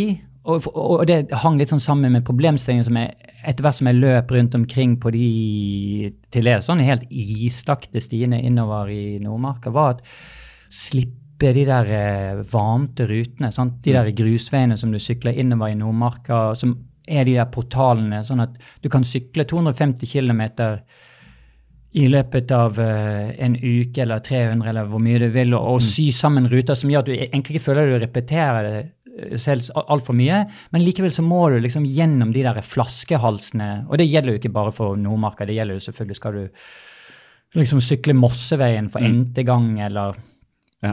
Eh, no, sykle vest, vestover liksom, ja. gjennom Asker og Bærum. Noe av det kjedeligste som finnes. Man liksom mm. forsøker å finne alle mulige måter for å slippe det greiene der. Og da jeg begynte å løpe og forsto liksom, herre Jesus, det er 100 000 forskjellige måter å komme inn til eh, altså, til ja. de der plassene som eh, normalt sett bare passerer. Og at, at det var en sånn Eh, en, en, helt annen eh, Ja, altså en, Et helt annet sett av erfaringer. Mm. Plutselig så rydder du plass på den harddisken som er hjernen din for helt nye bilder. Mm. Og til dels også sånn det som jeg nevnte tidligere med å sykle på denne terrengsykkelen. Det ble jo det ble jo aldri nok teknikk til at man syklet hele veien opp til Ullevålseter i ett sånt imponerende langt drag. da. Mm. Man måtte alltid sette foten ned et eller annet sted. Så nå som man løper, så er jo ikke det en problemstilling. Man setter foten ned hele veien. Men at man også føler at man mestrer de der traseene der som man alltid sleit med sånn og sånn motbakke, den lille mm. dumpen. Da. På sykkel? Ja, riktig. Og så, og, så, og så, tenkte jeg etter hvert som jeg klarte å holde denne løpingen ved like, at ja, det har vært morsomt å kunne etter hvert bygge opp en eller annen sånn At man kan gjøre den der langturen mm. som løping fremfor som sykling. For, for da, da jeg syklet øh, øh, Ja alle de årene som jeg syklet um, tidligere, så var det en sånn langtur på 120-150, liksom opp i mm opp i noen og 200 liksom, kilometer. Og at det, at det føltes som en sånn komplett erfaring å stoppe for lunsj og kaffe og hele den pakken der. Så mm. Det er egentlig det som jeg har forsøkt å gjøre nå. Bygge fundamentet for å kunne Og, og begynt å gjøre de der turene som inneholder alle de der eh, komponentene som gjør at det føles som en, eh, en, en, hel, en hel, erfaring. Da. Mm. Tar du med deg mat og drikk og ja, ja, da er det, ja, ja. Da er det, det er jo selvfølgelig også noe til grunn for man gjør. For da kan man liksom pjåte løpevesten full i sånne ting som man egentlig vil spise. Ja. Massevis av uh, lakrisbåter og, og, sånne Hva det heter sånne energy bites og sånne Bars ting. og alt mulig. Ja, ja. Så, så det, det, har, det har vært litt ut av Uh, og kanskje ikke det at jeg var sånn ferdig utlært som syklist. altså Hyggelig at du synes at det er imponerende med at det kommer sånne kongekroner. liksom. Ja, jeg syns det var så men, utrolig mye bra resultater på segmentet. I hvert fall hva jeg kunne sammenligne meg selv med. Jo, men også jo, jo, jo. andre. Jo, og, og, og, tilsvarende så la jeg imponere over, uh, over, over venner og, og sånt. Men, men, jeg vet jo hvor, hvor lite det der veier inn kontra de folkene som har tatt dette til et visst nivå fra Norge, eller, eller som til dels sykler med, og som, som er liksom vaker i det proffsegmentet. Mm. Så innbiller meg ikke at det er noen sånn heidundrende eh, eh, eh, god syklister. kunne aldri vært liksom noe som helst innenfor sykkelsporten. Jeg hadde stor glede av det og har stadig glede ut av det. Men, men, det var et eller annet den der at, at uh, ja, Det er jo denne dopaminen. da, mm. Det er det der uh, at man Uh, at man uh, At man gjentar for mange ting for mange ganger, så klarer man ikke å huske liksom, Syklet nok et sånn åttetall inn i Maridalen. Mm. At du At, at det blir for mange av disse turene som ligner på hverandre, da, i tillegg mm. til de der portalene. Og så, og så erfarte jeg også for to år siden at min, min far gikk bort. Mm. Uh, og så hadde jeg ikke så mye tid, for han var syk en, en lang stund. Og så um, ble det sånn at hver gang du, jeg hadde tid til å gjøre noe, sykle eller den slags, så var det sånn at det måtte på sett og vis telle litt mer. Eller, mm. eller Og så sa jeg til meg selv eh, kanskje Ja. Altså at, at, man innså at du forsøker å gjøre noe annerledes med hver enkelt tur du gjør. Det behøver ikke være så forferdelig mye. Det kan godt være at du gjør noe som du har gjort én gang denne veien i motsatt retning. Men at du hele tiden forsøker å, å, se noe nytt og erfare noe nytt med hver enkelt tur du gjør. Mm. Og, og, sånn sett så ble liksom det å hoppe over i løpingen og ta det litt mer på alvor og sanke inn alle de der eh, sant? Tenk deg Maridalen som, som nettopp det der åttetallet som alle syklister eh, har gjort en eh, halv million ganger, hvis man har syklet i fem-ti år her, da. Og så kan du hver eneste kvadratcentimeter av asfalten der. sant? Men og så løfter du den syklisten av sykkelen og så putter den 500 meter inn i skogen. Du har ikke et fnugg av anelse hvor de er. Mm. Nei, jeg ville kjenne på den følelsen. Jeg ville liksom vite, sant? eller ute på Svartskog hvor Oldtidsveien går. sånn liksom, Du kan ikke bare drive og sirkle inn dette området. Du må på en måte kreve det selv. Hva er det som er inni midten av, dette her, mm. av denne smultringen? Ja. Så, så det ble Det handler om å ville se noe mer, eller eh, noe Ja, å være nysgjerrig. Ja, ja, ja. Både være nysgjerrig selvfølgelig på seg selv og sin egen evne. sant? Mm. Eh, gitt da at det var en såpass eh, upålitelig 800-meter-greie. Så man, man går jo liksom Ja. man, man, man vil Jeg tror på sett og vis Også når man blir eldre. sant? Vi gikk så himmelvidt fra hverandre i, i, i, i, i alder at, man, at man vil egentlig bevise overfor seg selv at altså det å være i 40-årene kontra å være i 20-årene behøver ikke å bety så mye i forhold til liksom fysisk evne. da. Mm. Så da tar man på seg en sånn utfordring. Nå skal liksom løpingen sitte i, i, i hvert fall i vel så stor grad som, Mm. som syklingen har, eh, har funket. da. Men er det mm, Nå klarer jeg ikke helt å følge med, men løper du jevnlig nå? Altså sånn hver uke og flere Ja, ja. turer og Ja? Ja, ja, jeg forsøker. Altså Er det en plan med det, eller er det bare du tar Nei, det litt sånn det, det, det er ikke noen annen plan enn at, um, enn at jeg vil bygge eh, evne. Altså at jeg, at, jeg, at jeg forsøker å ligge på 50 km og litt på nordsiden av det Mm, antall kilometer per uke, og, og kunne, kunne, kunne eh, etter hvert mestre lengre turer og kunne, kunne reise tilbake til noen av de stedene man har vært på fjelltur, eller å kunne ta dem holdt på å si, i, i raskere steg Ja. enn enn hva det var. Eh, men eh, vi er litt annerledes, sånn som du syns det er morsomt å løpe løp. Og jeg synes det Ja, det er litt av motivasjonen for meg. da. Jeg husker jeg spurte deg om det kanskje en eller annen Strava-kommentar. Ja, Ja, ja. når liksom skal du løpe og sånn, og det, det var sånn at nei, du var liksom ikke interessert i det, så vidt jeg forsto. Eh, og du er jeg- fortsatt ikke det, eller? Nei, altså jeg tror det kan, Jeg trenger jo ikke hele løpet, men altså jeg har eh, Jeg løp uh, Stoltsekleiven opp, som er jo selvfølgelig en vesentlig bit av, eh, av løpebergens identitet. da. Og den tiden er den er ikke noe Jeg klarer ikke å huske den i forbifarten, men den er ikke noe sånn heidundrende av noe som helst slag. Så det hadde vært eh, morsomt å bare løpe den en gang til. Nå har jo traseen blitt for, eller De har lagt mer stein, da, så det er mer av en, av en eh, ja, en sti, en ordnet sti, om ikke akkurat en vei. da. Så, så, eh, men det, det er jo- stadig sammenlignbart. Bare liksom løpt når er klart. klart. Jeg liker jo når ting går oppover, når det blir bratt. Ja, du liker det? Ja, Ja. altså både på sykkel og, Ja. og, og, og, og løping. Så det, så det der er jo ikke noe Det går jo bare oppover. Ja, det, det er bare oppover. Det er jo kjempebratt. Ja, Men det er jo litt sånn trappe, nesten trappeløp. Ja Sånn det er Ja. ja, det er jo eh, Jeg har aldri løpt opp der, men jeg har vel gått opp der en gang for lenge, lenge, lenge siden, tror jeg. Ja, nei, det er jo altså det, Løp er jo over det. det jeg husker det, det løp da jeg var fotballdommer i, i Vareg, som, var den, som er den klubben som organiserer. Så vi hadde vår egen eh, Vi hadde liksom vårt eget løp, da. Og jeg hadde, aldri, hadde ikke engang gått opp til toppen. Så, så ble jeg bare fortalt av en av de andre dommerne at du må holde igjen til du ser tretappene, og da må du bare gi alt du har, liksom. Og så plutselig så var det de tretrappene der, liksom. Mm. så jeg hadde holdt for mye igjen. Så jeg tror kanskje det er det som gjør at jeg på et eller annet tidspunkt har lyst til å vende tilbake Ja. og, og, og, og legge igjen en litt bedre tid. Selv om topptiden, den tror jeg ikke er truet av at jeg vender tilbake. Nei, men nå er det jo mange, eller ganske mange løp Oslo og Main som er sånn oppover eller eh, Ja, ja. stier, og det er jo blitt veldig stort etter hvert. Ja.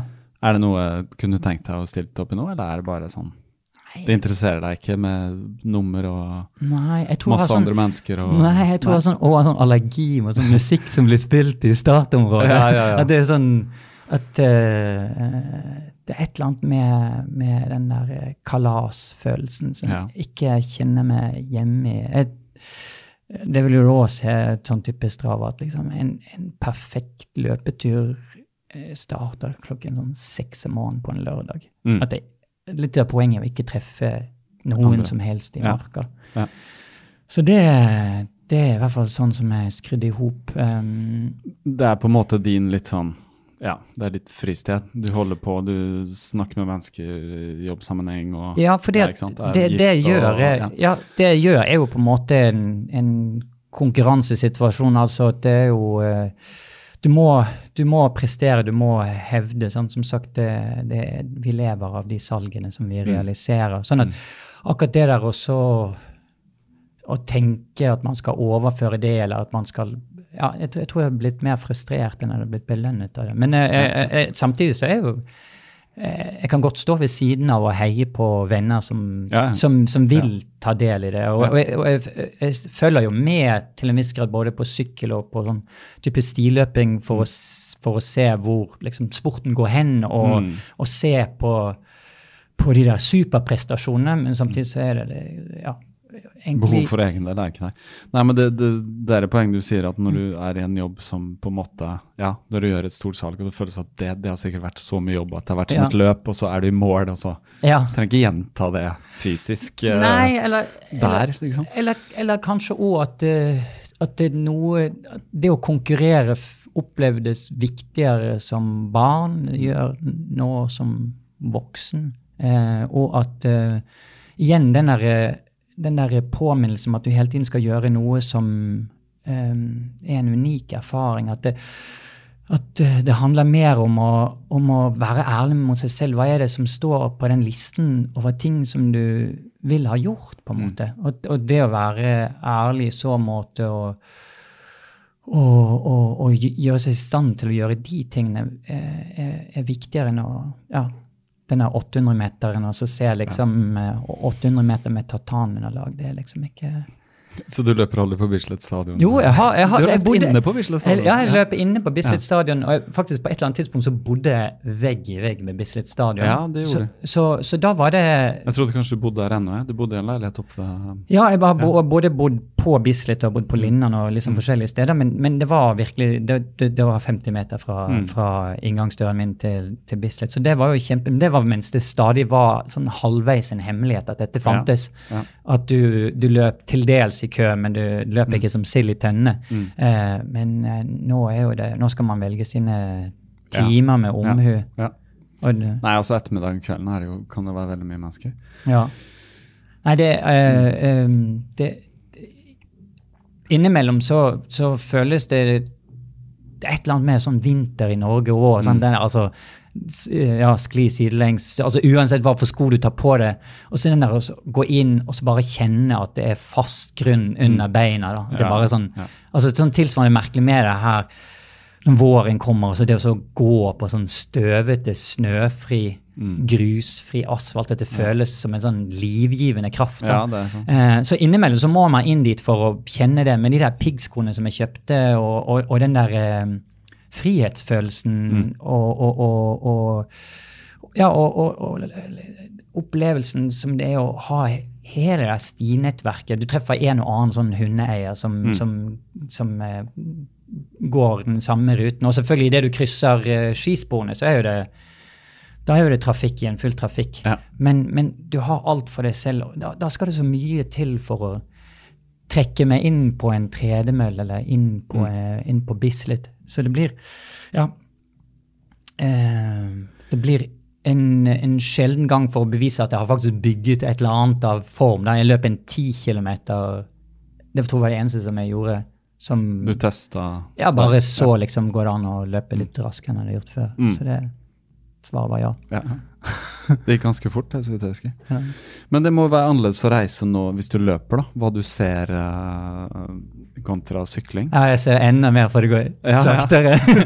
Du ser jo Ja, man gjør jo det. ja, nei, altså eh, det, er, eh, det har vært litt mindre komplisert, da. Det er et eller annet den der å stå og vente på der, eh, denne bagen som kommer på spesialbagasjebånd, og bare Mm. være sånn fylt opp til randen av spekulasjon i forhold til hva som gikk galt. da, Mm. Og så finne ut at et eller annet gikk galt. Så Man slipper det der stressnivået nå. Det er liksom det verste som kan skje, er Mm. at man puttet joggeskoene fra forrige løpetur. De er stadig litt fuktige, men, Ja, ja, ja. men eh, så det mm, men, men, men ja, en, en hel del steder som jeg har reist tidligere, og som jeg nå ser som løpende snarere enn som syklende, det er jo akkurat det samme som jeg nevnte med Maridal. Plutselig så får du en videre forståelse for hvordan ting er, er, henger i hop. Mm.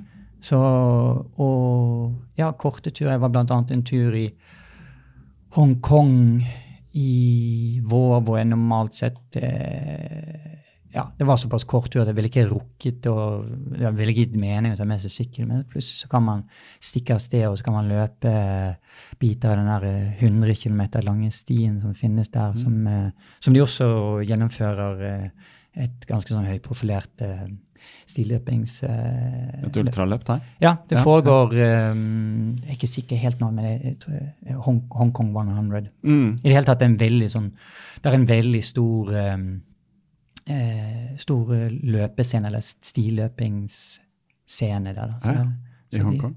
ja, av en eller annen merkelig grunn. Eller ikke så merkelig grunn, for de har jo selvfølgelig vilkårene for det. Naturen Ja, er der. Ja. de- og, og- og- Så det, det er megaurbant. Og så er det jeg tror det er mer enn en tredjedel som er, som er park eller fjell, som ligger rett der, og som er mulig å ta bruk. Så, sånne type lette muligheter når man reiser med, med bare håndbagasje, føles ut som et enormt privilegium. Altså, Ja, ja, ja. En hel del arbeid, og så kunne stikke av sted og løpe. Det går fort da, ikke sant? Du slipper Ja. Sykling så er det sånn, du må ta det bare kle på seg tar jo mye mer tid. Ja, og, og, og, og klær som ikke kan brukes til så forferdelig mye annet. Ingenting annet. Eh, Når du går av sykkelen, så ser man litt rar ut når du går på de skoene og Ja, og lyden Den og buksa, ja, ja. Nei, det og- Men, også, det der eh, at eh, kan du si, det å, det å sykle i Hongkong hadde helt sikkert vært magisk. Jeg hadde aldri vært der forut for at jeg reiste denne gangen. Men, men at den stien har mye mer karakter. Da, at Mm. eh, at eh, den gir en erfaring som ikke det å se, se byen fra asfaltveien ville ha gitt. Der Det går Mm. opp og ned med millioner av trappetrinn og, og, og, og, gir en, eh, en oversikt uh, vekselvis ut, ut i havet og inn i fastlandskina. Mm. Og for første gang så møtte jeg apekatter på en løpetur. jeg holder sånn viss oversikt over alle dyr som jeg har møtt på sykkel og løpetur. Ja. Så det, det var liksom krysse av i, For apekatter. Ja. Som kan bli ganske aggressive. Man blir, Ja, rå, blir rådet om å ikke spise eller drikke i to sånne lange soner. Ja, ja. Da står det sånn Do not feed the monkeys. Ja, eller ikke do not feed yourself. Fordi at apekatten, apekattene skal visstnok være stand til å bli ganske bøllete, da, så de har ja. endt opp med å true turister. Da, for, Ja, ja. De legger igjen gels og Ja. energy bars. da. Bare slenge fra seg Ja, ja, ja. skjermen Og så stikke, løpe. liksom. løpe enda De er jo kjempesmart, da. Ja. Ja, så det, så det ble faktisk eh, Jeg skal ikke si at det var i fem å bonke, men det var to veldig lange sektorer hvor jeg var Ja. ganske sulten. Tørte ikke å dra opp. Nei, nei, nei. Og så var en du var ferdig, opp det, og så var det enda en apekatt som satt i treet og Ja. bare stirret på meg. Var, Men har du opplevd det du snakker om bonking, har du opplevd det på løptur? Eller har du noen gang Nei. helt og ikke hatt med deg Nei, løpetur har ikke det skjedd. Nei. Men jeg har eh, eh, eh, Opplevd på sykkeltur, kanskje? Ja, sykkeltur en gang sånn skikkelig hardt etter jeg har, eh, jeg har jo eh, bodd deler av holdt på å si, livet mitt, eller oppholdt meg mye i New York, og, og, og der finnes det eh, fantastiske muligheter eh, litt ut av byen, litt lenger nord på opp langs for å sykle på fine grusveier. Mm. Og da var det en sånn fellestur hvor vi var ma mange likesinnede, og, øh, og, og, og alle var hissige på å sykle en lang tur. Men det var litt ulikt av evne, så det ble veldig mye sånn start, stopp, start, stopp i desember. da. Mhm. Og, og stå på sånn bakketopp og vente på de siste ti. Mm. Eh, og at man, at man fikk den der frosten i seg som gjorde at liksom, Ja. man bare forbrenner massivt av kalorier for å holde ja, kroppen varm. da. Mm. Og så, eh, så forstår jeg det her funker ikke. Vi må liksom bli Vi må, vi må gi litt på her. Mm. At vi må dele opp eh, gruppen. Så da hever vi på eh, en sånn gruppe med, med, med, med, med to andre som alle, vi skulle alle sammen rekke hjem i, i riktig tid. da. Og, og, og satte opp tempo. Og så, eh, et lite stykke ut, så fikk jeg med meg at de var henholdsvis eh, sånn eh, nummer én og tre i sånn eh, terrengsykkelmesterskapet i USA. Altså de var amerikansk mester. Så, så da gikk jo det unna i febrilsk tempo når man da var helt sånn på, eh, på kanten i utgangspunktet, så, og bakkene var sånn Ja. bikket sånn 15-18% på grus. da. Oi, oi. Så Ja. det, var, det er den eneste gangen hvor jeg liksom har skjønt Ellers så vil jeg si at jeg faktisk eh, er ganske god på å planlegge, og Mm. til og med har vært en, en sånn, eh, sånn eh, kandidat for sånn Frelsesarmeens gullvott i det gir fra meg en sånn energy bar til venn som virkelig, virkelig sånn begynner å, å, å, å Ja. liksom eh, begynner å slipe av grunnfjellet av seg selv. Da. Som har tatt med seg for lite. ja, ja, ja. Eller som bare har for lav BMI, da. Som Ja, ja, ja. liksom plutselig blir det Ja. Så, men, men, men med løpetur, så eh, Jeg vet ikke. Det, altså, nå løper jeg ikke så, så langt. At en, en lang løpetur for meg er liksom et eller annet sted mellom eh, 20 og ja, 35 eller noe sånt. Mm. Uh, og det klarer man hvis man spiser ja, havregrøt før man stikker av sted klokken seks. Og, og, eller- Så, så da klarer man det. Så ha med seg litt. Ja. ja. Ja, uh, men uh, har du sett noe Har du oppdaga noe kunst eller noe morsomt på løpeturer? Eller ja. sykkelturer, for den saks skyld.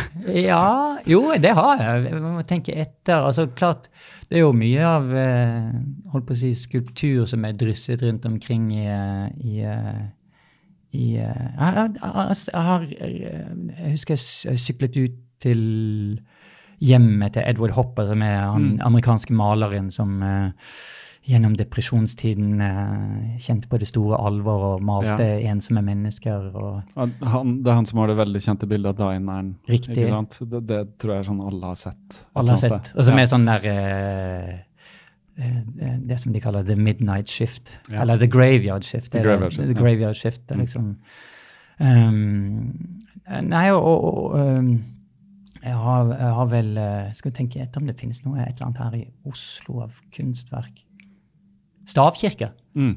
Stavkirker er ganske Jeg har sånn ganske henger på det. Så det å, å, å I det utvidede kunstbegrepet, da, det her er jo sjeldne ting, så er, det, så, så er jeg veldig hissig på å legge turer omkring norske stavkirker for Mm. å se. Det er, det er et eller annet sånn en eller annen sånn enestående aura av disse tingene som er, føles både helt komplett eh, sånn feil, liksom, Mm. for jeg er ikke utstyrt med noen særlig kristen tro, og heller er altså Det virker jo som at de var selv utstyrt med ganske moderat av kristen tro, for det er Mm. liksom beint frem vikingene ikonografi med litt sånn Ja. i det hele.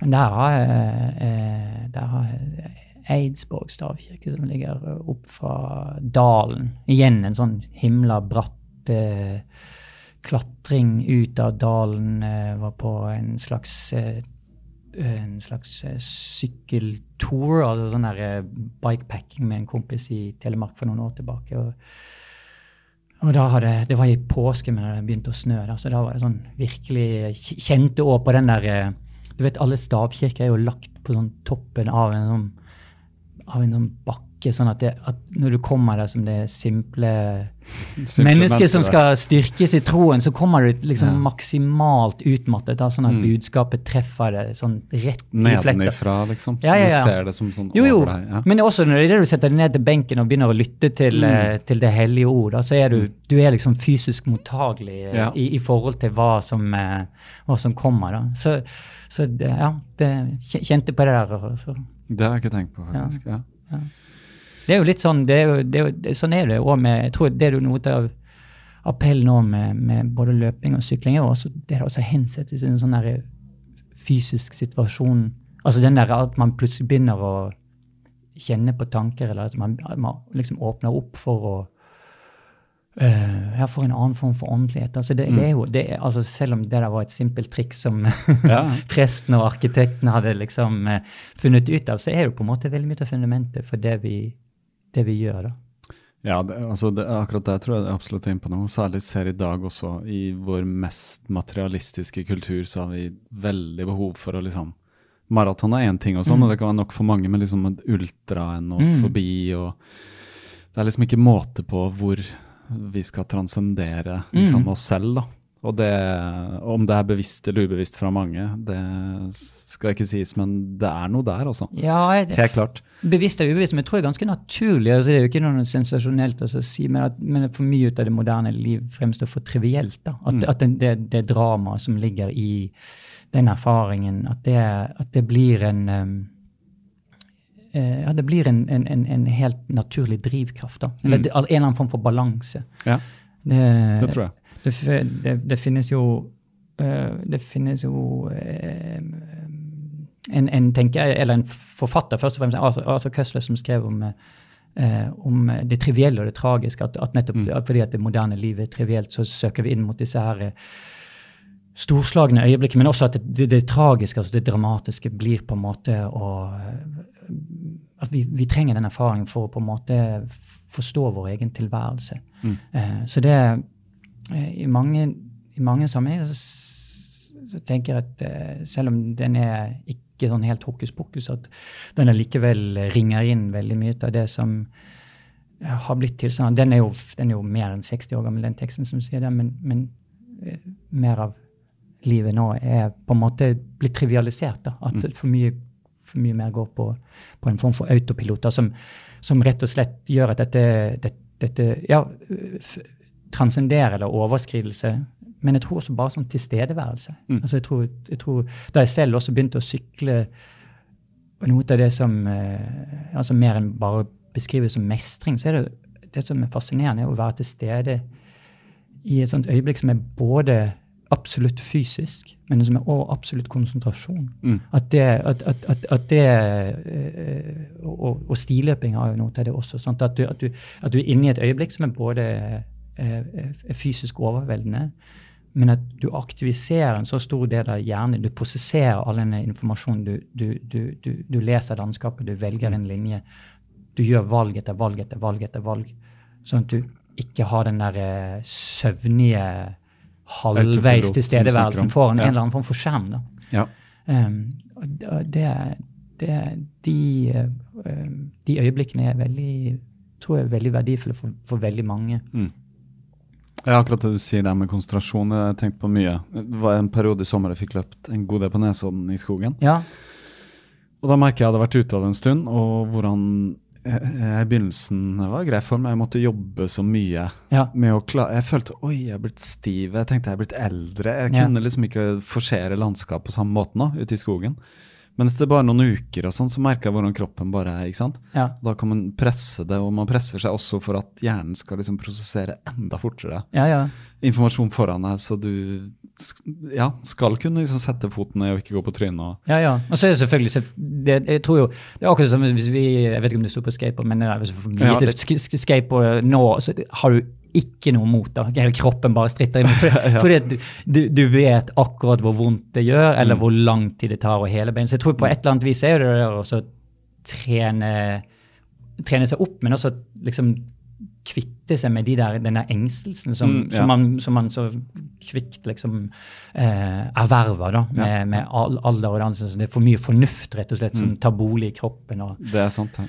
Frykten for å dø er jo stadig større, ikke sant. Så, jo, men frykten for, frykten for å dø er jo én ting, men frykten for å liksom ende opp på ja, ja, på, på, på, på, på klinikken er nesten enda større. Da. Altså Sitte der på legevakten med sånn, sant, noe som du vet at det brukte altså, Så er hvor det lite litt sånn, praktisk det er å ha brukt en arm eller en fot. ja, og så flaut. sant? Altså. Som en sånn voksen mann som på fritid og, og som ikke vet å kjenne sine begrensninger, kommer der og legger, legger byrde til det norske helsesystemet og sånn, Ja. dyr, røntgen og alt den slags. Ja, så, så, men, men, men å kvitte seg med det der og så kunne jeg, kan, jeg kan se det mønsteret i, i denne opptreningen din.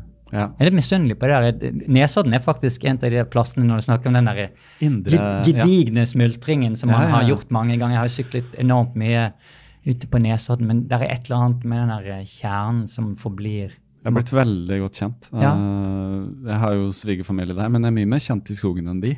Oh, ja, ja, ja, ja. Ja, ja. Jeg har jo løpt den på kryss og tvers. Og, Ja, ja, ja.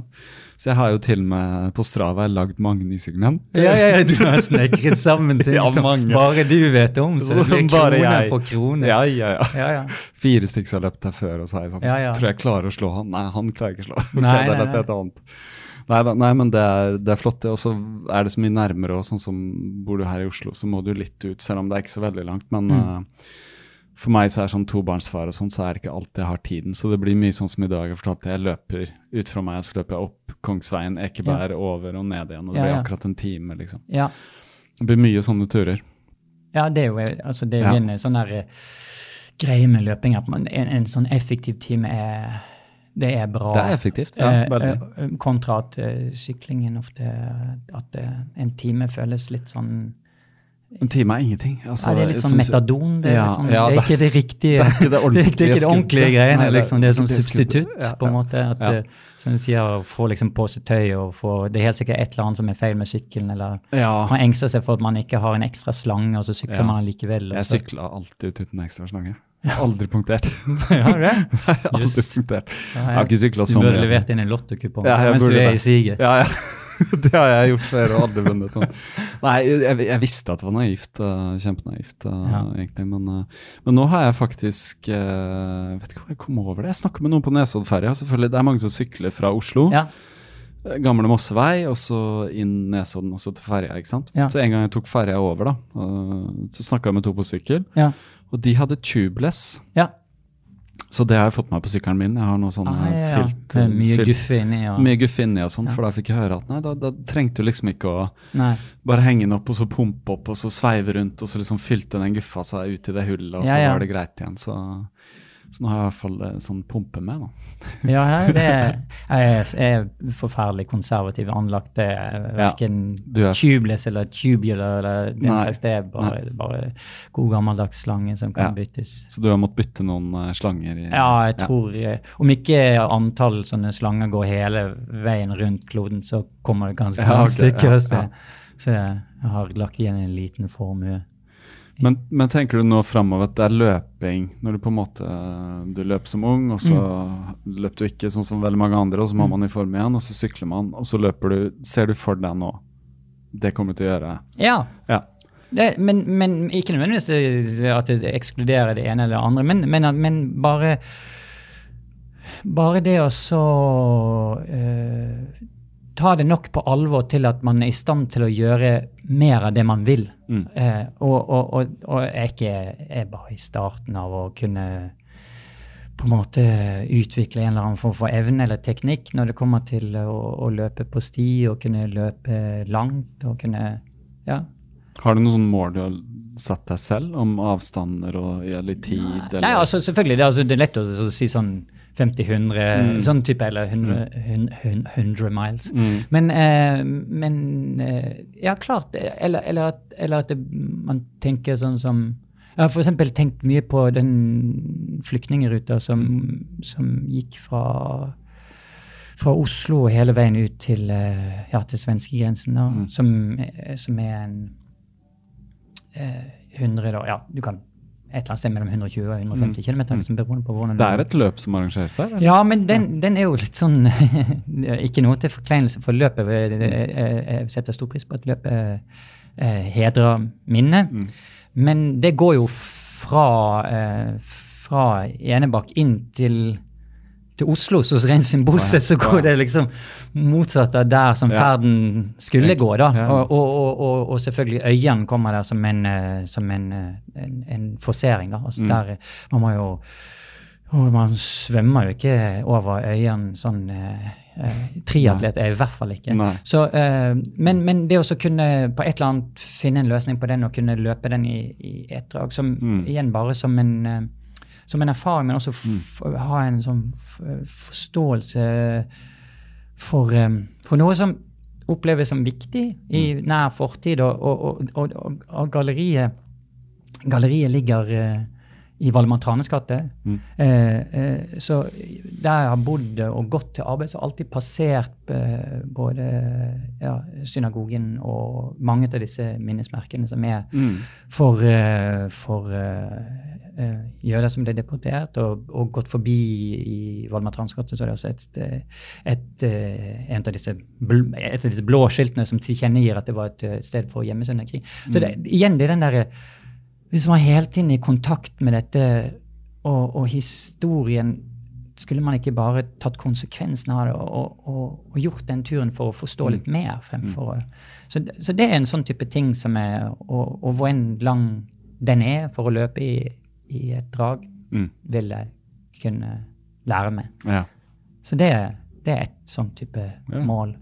Det er på en måte ikke så mange som tenker på den måten når de vil løpe en lang tur. Det handler mer om andre ting, kanskje. Jo, men jeg tenker vel også på de tingene. Jeg, ikke, Mm, altså, jeg ville ikke laste ting opp til Strava hvis det bare var en sånn lokal historieforening som og, på en måte forvaltet. Da. Altså, det et eller annet i skjæringspunktet med det. Altså løpe for en grunn. Da? Mm. Det, det, det um, um, ja, igjen den der, sånn, den der erfaringen fra Hongkong eller bodde i New York og, eh, og, og andre reiser vi gjør, liksom sykkel eller løpe, hvor fantastisk det er å kunne å kunne dekke terrenget og, og liksom bare forflytte seg da til, til eh, plasser som ikke andre turister vil reise, eller, eller, eller, eller liksom gi seg selv Sånn som der, der, som vi eh, der som bodde siste bit i, i New York, som er nede på, eh, på, på Lower East Side, Mm. altså eh, Manhattan, da. Helt, Ja. helt, eh, helt eh, Sørøst. Rik, liksom. ja, ja, Ja. riktig. Eh, og, og, og, og fra Altså, på, på et eller annet tidspunkt så var dette det tettest befolkede området i hele verden. Mm. Det bodde I liksom slutten av 1800-tallet så bodde det liksom 350 000 mennesker der, som var et sensasjonelt tall. I bare et lite område. egentlig. Ja, riktig. Ja, ja. Og, og, og, og, og så, og så um, fra den perioden så finnes det en veldig viktig serie fotografi som er, eh, og en bok som heter How the Other Half Lives. Mhm. Som er en, faktisk en dansk på en måte journalistfotograf eh, som heter Jacob Rees, -hmm. som gjorde den, og som er en sånn her um, Jeg tenker på den veldig mye. Som er en sånn grunnleggende oppvisning, en form for empati. Da, sånt, og liksom, hvordan er det folk ellers bor? Eh, altså det der å så bo i en by, og så For det, det fascinerende for oss var jo at eh, fra den tiden hvor folk bodde 10-15 mennesker på, i en leilighet, da, sånn flere generasjoner den slags, i det huset som vi bodde i, så er det eneste som har, som har skjedd annerledes, er at den opprinnelige østeuropeiske, jødiske befolkningen som var der, blitt erstattet av kinesere. De bor like trangt, på en måte. Men nå er den der å så ta sykkelen da en morgen i New York og så reise av sted til en annen bit av New York hvor folk ikke har det så bra, på en måte. Liksom, og på et eller annet vis bruke det der forflytningen og hensette seg selv til en situasjon som bare i hvert fall gir det en mulighet til å forstå litt mer av livsvilkårene for folk som har det litt annerledes enn selv. Samme i Miami, hvor jeg reiser og gjør disse messene. Og så, og så bare den erfaringen, så sykle gjennom et område hvor alle de hjemløse ligger og sover. på en måte, og Bare minne seg selv på at dette er en realitet like mye som den realiteten Ja. som står på det betonggulvet og forsøker å selge kunst Ja. for millioner i løpet av en dag. Det er, Det er ganske annet- stor kontrast, uh, ja, det de tingene du beskriver der. Ja. Det er kjempekontrast, men det, men, det, men det er jo holdt på å si, det, det, Ingenting er jo løst av at jeg sykler gjennom. Det, altså det Nei, men det- ja. men, men, det, men det er på, på sett og vis å, å, å bære med seg at, at dette er også en del av liksom, ja. virkeligheten. Og, og det er et eller annet med den der eh, empatien. Min, min far var veldig nysgjerrig. og jeg husker, Selv om han var ingen verken løper eller syklist, eller den slags, men bare den der, om det var å gå tur eller om det var å reise på bilferd, så liksom still spørsmål, liksom, finne ut hva det er. Liksom, tror den nysgjerrigheten som på et eller annet vis har tatt bolig i veldig mye av motivasjonen for det jeg gjør. liksom Vil bare finne ut av ting. liksom. Reise ut til Staten Island, som nesten ingen som reiser til New York, besøker. For der bor mafiaen. sånn Der, der har de sine sånne rare eh, forfeilede forsøk på sånn renessansepalass. Liksom bare se arkitekturen og se, se en bit av New York som er diktert av helt annet, så alle kjører bil. Det er ingen sted i New York hvor folk har så mye bil som de har ute på Staten Island. sant? Og, og den etniske sammensetningen, og på en måte lære seg Det er jo også det, faktisk det der det høyeste punktet finnes. Jeg hadde faktisk, eh, jeg hadde faktisk eh, det, det høyeste punktet i New York heter Tott Hill. og Jeg tror det er eh, fire måter Eller det var i hvert fall fire segment som kom opp til. Så jeg hadde en sånn økt der hvor jeg tok tre av fire kom, Mm. For å komme opp til det som er liksom New Yorks Trivan, som er selvfølgelig Ja. halvparten i høyden. Ja, det kan ikke være så Og det var sånn 15 mennesker som hadde syklet der, for det, Ja, det er for farlig i forhold til bil og alt den Ja. slags. da. Så, Det er sant. Jeg tenker på New York, og mange av de stedene du har sykla, må ha føltes ganske utsatt. Ja, det er Spesielt sykle i Beirut i Libanon er ikke noe særlig Nei, det- anbefalesverdig. er det noen som sykler i hele tatt? I ja, Beirut, som du sier? Ja, ja, igjen, det, det er veldig lett å ta en sånn Strava-kone. Ja. Det er liksom 15 mennesker som har gjort eh, Ja. noe som helst. Men det, det faktisk Men risikoen, jeg tenker på bare sånn trafikkulturen. Ja, det er Libanon et er det eget litt- kapittel. altså. Ja. Der, jeg tror Libanon, altså jeg tror, jeg tror Portugal var verre å sykle i selve sentrum av sånn som Porto. Da. Men, Mm. men, men Libanon har en sånn enestående eh, holdt på å si, sånn fri flyt-tilnærming til at, at det går seks biler i bredden, men ingen har bestemt seg for hvor mange som skal kjøre i hvilken retning. da.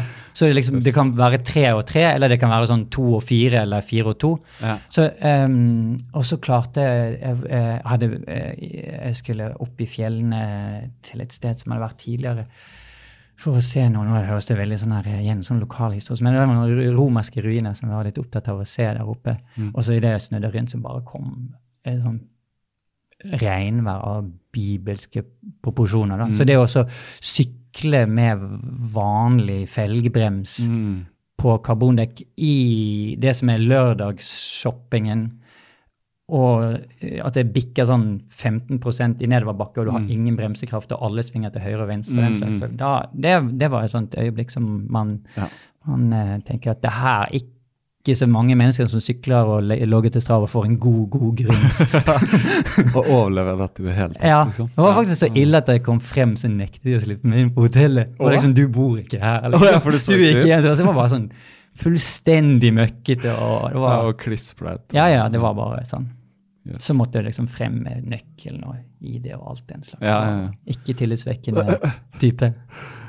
Men uh, når vi snakker om logging på Strava og sånn, du har jo uh, alltid de absolutt beste overskriftene, eller titlene. Oh, ja, du, du- du ja, ja. Ja, absolutt. Ja. Er det mye visvas der? Det er mye visvas, men det er liksom morsomt funnet på mye rare komboer og sånn. Ja. Er det noe uh, dere som vil kan følge, kan uh, linke til, så du får noen nye Strava-følgere? da? ja, ja. Så dere som vil lese. Men uh, er det noe du tenker på mens du sykler, liksom ikke noe du tenker på, så kommer en tittel opp? Jo, faktisk, sånn? faktisk blant de som jeg sykler med Andreas, så går det nesten som sport i å komme opp med den ja. mest dusteste eller dustete tittelen, da, liksom. Ja, ja. Så det blir mye sånn ping-pong i løpet av Ja, ja. Um, og det er jo definitivt noen ganger tid til å tenke på, men så er det bare rå, bare ting som uh, uh, Ja. Avis, Ja. Avisoverskrifter, eller eh, Vi lever jo i en fantastisk tid hvor politikere sier mye rart, og Ja. bøker som man leser, og Ja. musikk og mye sportsintervjuer. Det er fantastisk mye bra når basketballspillere skal si hvorfor det gikk som det gikk. og det er i det hele tatt Språket og er, er rikt. og Det er det. Altså man må, man, fremfor at det er sånn, sånn morning run eller sånn intervall i sone tre og sånt. Det, jeg tenker det er, jo, det, det er jo det som gjør Strava Eller noe, jeg skylder jo Strava en del, eller det vil si jeg skylder andre brukere av Strava en del. Sånn som når jeg reiser også, at jeg klarer å, å finne ut hva som er verdt å gjøre. da, sant? Mm. At, at, at man bruker Strava på sett og vis som et bibliotek, og, og, og, og slår opp eh, Ruter og. Riktig. sant? Og, og, og hvis ikke folk tar bilder Mm. eller sier at det var en fantastisk sånn, så går man glipp av noe informasjon. Mm. Så man, Strava blir jo bare så bra verktøy for en selv som man selv også bidrar til å gjøre det. Så, Mm. så da, da eh, Titler, bilder og ja. eh, Ja, du er god på å ta bilder òg. Du legger Ja. alltid bilder. Jeg er for lat der også. Drar Ja, du er jo fotografen. Ja, da, da blir det litt sånn det blir for mye stopp. Ja, det blir sånn Det blir rett noe bra, liksom. Man er for kritisk, altså. Hva er skal ta bilde av meg selv? Er det landskap Altså hva Ja. Ja, nei, jeg, er jo, jeg er jo den glade ofte- amatøren i, i Ofte må jeg innrømme Ja. eh, grunnen til at jeg ikke tar bilder, Ja. er at jeg har, sånn, har den iPhonen, så har jeg sånn Ja. løpebelte, Ja, og så er den i nedi der, så er innmari tungvint å få Ja, ja, ja. rett og slett. Um, Jeg- jeg- har du noe praktisk der når du løper, hvor, hvor ja, du har eller det vil si, jeg har, jeg, em, jeg, har, jo kjøpt eh, på rekordrask tid veldig mange forskjellige løpevester. For å på en måte liksom å Ja, Det må jeg spørre deg litt om, for jeg tenker litt på jeg Ja, nei, etterpå. fordi man liksom, ah, det skal, alt skal sitte, og det skal være Ja. sånn perfekt sånn eh, organisering og alt den Mm. Og noen har jo begynt etter hvert å få den der eh, iPhone-lommen for en sånn ekstra stor med glidelås og alt den slags. Mm. da. Um, men uh, til syvende og sist, så etter at jeg har liksom blåst en liten formue på dette og, og finne den perfekte, så fant jeg ut at en shorts som jeg eide for lang tid tilbake, som er en sånn Arctrix uh, stilløpeshorts, da, den har en uh, sånn sjenerøs midt eh, eller sånn lomme på, på baksiden. Og selv om det, det føles som at uh, telefonen spretter litt rundt omkring, så hopper den ikke ut derifra og banker i bordet. Uh, og, og da er den alltid tilgjengelig. Ja. Det eneste Det er lett, du, er det en sånn zipper? Du bare Nei, nei, det er bare, det er bare bare, el, el elastisk. Og der blir den værende. Ja. Så, så nå har det er det eneste er den eneste shortsen jeg kjøper. Er- Den, den, det er bare de den funker Ja. perfekt for meg. Godt tips. Tar den en sånn rimelig stor iPhone? Si Ja, den, du kan nesten hive en iPad Ja. nedi. Altså det, Ja, ok. det, For jeg har hatt uh, alltid veldig mange sånne uh, Assix-shorter Ja. som har en sånn lomme bak med zipper. ja. Og fram til iPhone 5 så var det plass til telefonen der. Ja. Men så kjøpte jeg 7, og da var den for stor. Så Ja, da ja, måtte jeg kjøpe dette løpebeltet. da. Og da sitter den liksom innafor shortsen og mye tightere. så det er det. Men jeg, ja, jeg er lat. Jeg kan sikkert uh, Men det er det med tid. Da har jeg to minutter å stoppe nå og ta Nei, det har du. Det Selvfølgelig har du. jeg det. Du, Det er til og med relevant i forhold til ditt eget Ja. fag som fotograf. Ja, det er det. det er det. Så jeg må bli bedre på det. Men uh, ja. Jeg tenker at det er Og selvfølgelig fordi så mye av den der eh, løpingen og syklingen er på plasser som ikke har vært før. da. Ja. At det, det, det, er litt mer interessant, altså. Man må liksom finne ut at man ikke er helt på feil Man kan jo putte hun damen, hun Google-stemmen, på ørene, Ja. og så, så til høyre og til venstre og alt den slags.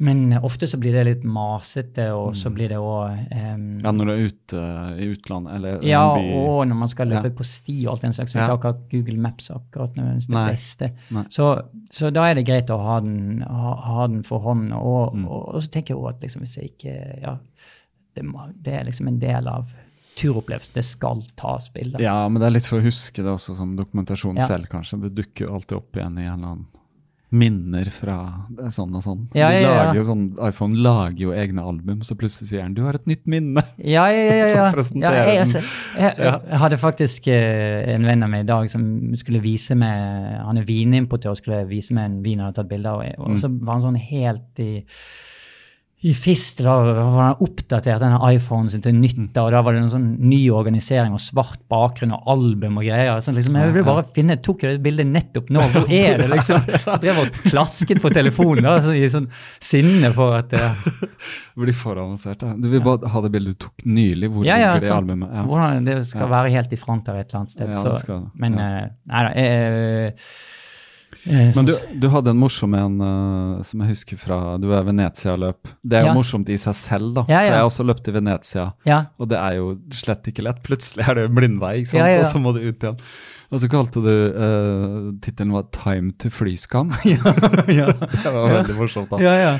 Og så tror jeg jeg tror jeg skrev noe sånt med en uh, 'Båtskam er verre', eller noe sånt. Ja, For du har tatt bilde av en sånn gigantisk eh, sånn cruiseskip som er helt sånn Det er sånn malplassert Ja. inne i lille Venezia der. ja, og det er jo det store eh, kontrovers nå, at de forsøker å Det er det folkeavstemning om å stemme ut disse her eh, gedigne cruiseskipene. Ja. Det er jo helt, det er litt perverst, unnskyld ordet, men uh, Ja. ja. Ja, nei, det er, jo, eh, det er jo en by som vi vet synker i havet, Ja, ja. det er en av de mest opplagte grunnene for at det skjer. Men Mm. at uh, Venezia har blitt eh, trussel for sin egen inntektskilde, som Ja. som er turismen. Altså, ingen klarer helt å ta de ytterste konsekvensene ved å, å redde byen. når Alle skal tjene sine Ja. euro til uh, Det er kortsiktig tenking. Ja, Som, ja. og så har jeg, ja, For mitt vedkommende så var det jo sånn ja, Det verste var jo at den, det skrev, jeg tilbake. at, for at jeg, jeg sto opp igjen da, tidlig tidlig om morgenen, så, og det var bare rett og slett Alle som har vært i Venezia, vet at hvis du beveger deg ut etter klokken ni, så sliter du. For da er hver er så eneste gate ja. tjåkafull. Det- Jeg tror det er oppimot 90 000 turister hver dag som kommer til Det er Venezia. vanvittig en sånn by. Ja. Ja, og det, eh, så, så da skal du ha rimelig god tid hvis du skal gjøre noe. Jeg var der for arbeid. Jeg skulle Mm. se Venezia-binalen og møte med en kunde og litt sånn forskjellig. Mm. Eh, og så tenkte jeg at ah, det å bare løpe Venezia og sånn noenlunde omrisse av Mm. det, da, og så ta en sånn tur bare for å ha krysset av den boksen. Og, Mm.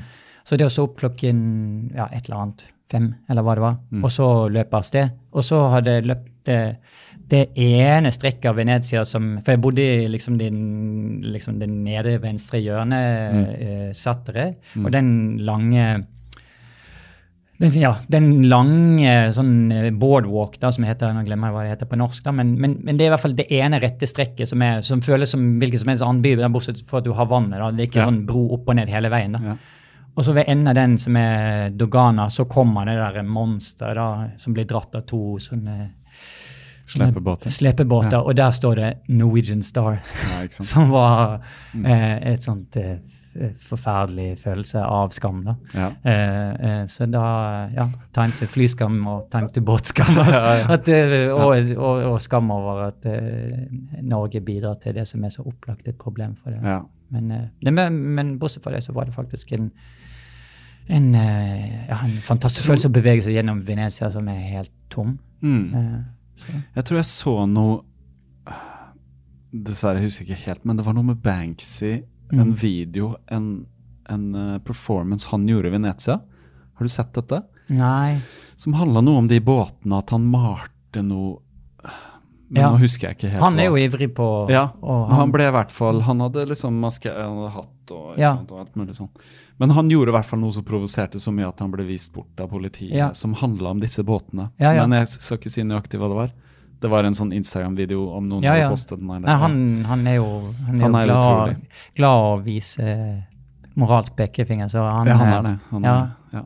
det, det, vi, vi lever på sett og vis i litt for, forskjellige eh, på en måte, verdener. Altså, kunstverden er ikke én verden, det er ma mange verdener, Ja. og han, han hører til I eh, én type. ja, i en Ja. type. Men, men det, selv, om, selv om det kanskje ikke er helt for meg, så er det, liksom, det er et veldig verdifullt bidrag. Altså. Mm. Det, det, det, det, det er drevet frem av en eller annen form for sånn mot, også, eh, også kontra det at det innimellom kan bli litt sånn flaut, som selvfølgelig all sånn form for moralsk pekefinger. Ja, ja. Men at det, er, det virker å være sånn kombinasjon av et alvor og en tanke som, Ja. som, som gjør at det, ja, det overlever. Mm.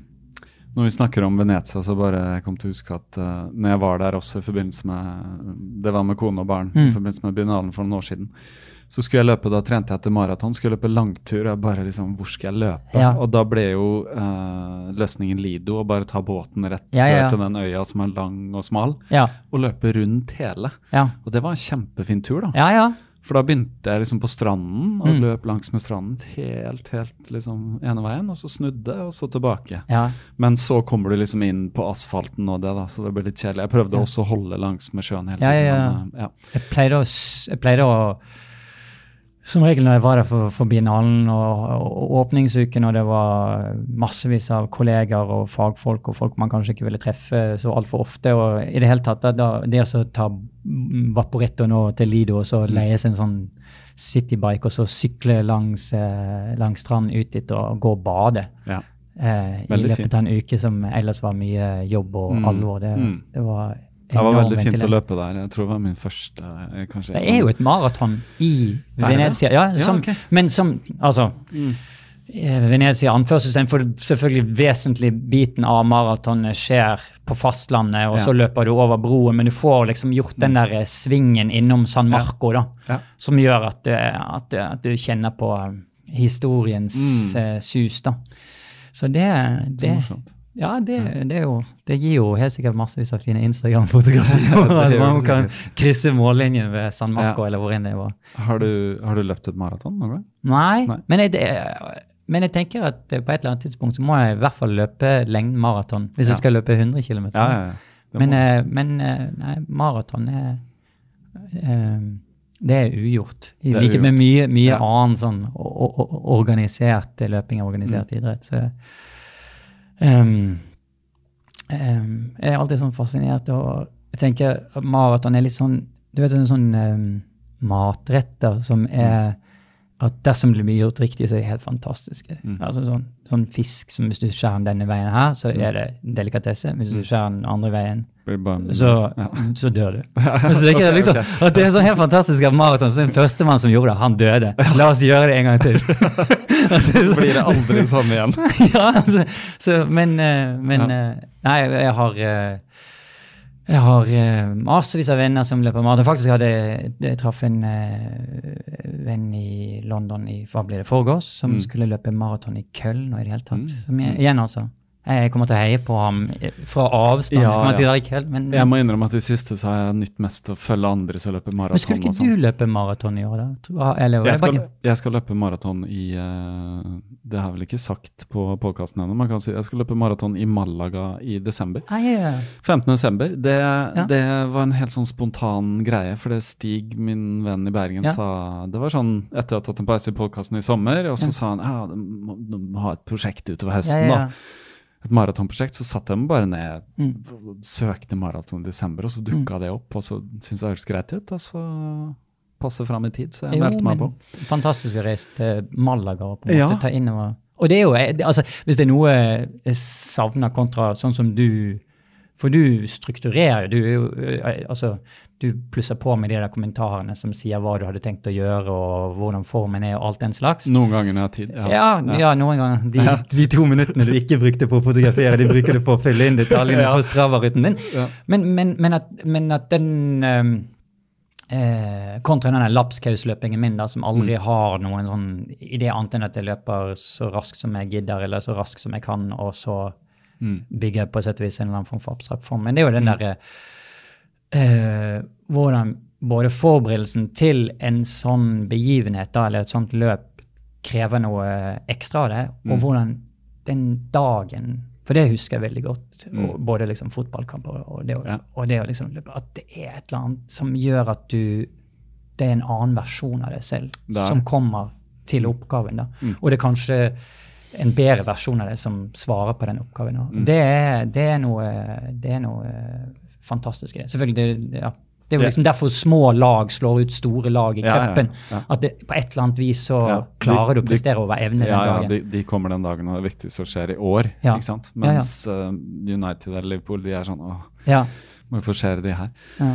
Ja, altså, nei, altså jeg personlig må ha prosjekter. Ja. Jeg, må, jeg må ha det neste løpet. Så Ja. det er alltid et løp jeg skal løpe. Ja. Så noen ganger så går det veldig bra, sånn som i våres. I. Til høst med halvmaraton så gikk det ikke bra, og ting gikk skeis med trening og sykdom og trekke tenner og ja. Det var ikke måte på. Eh, da måtte jeg bare kaste inn håndkleet og si jeg løper 10 km istedenfor Ja. halvmaraton. Men jeg stilte nå på streken og tok på det nummeret og løp 10 km.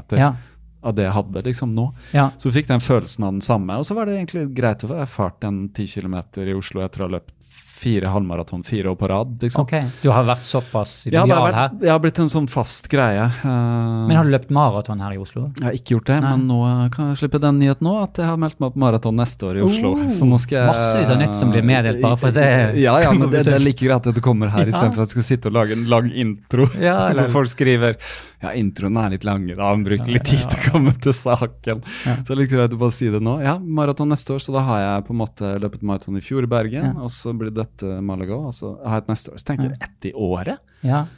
liksom. har, Men har du en sånn liste over ting For du er, du er jo altså Du spør meg om alle disse løpene. Ja. Det, det har vi allerede ant at svaret kommer til å bli nei.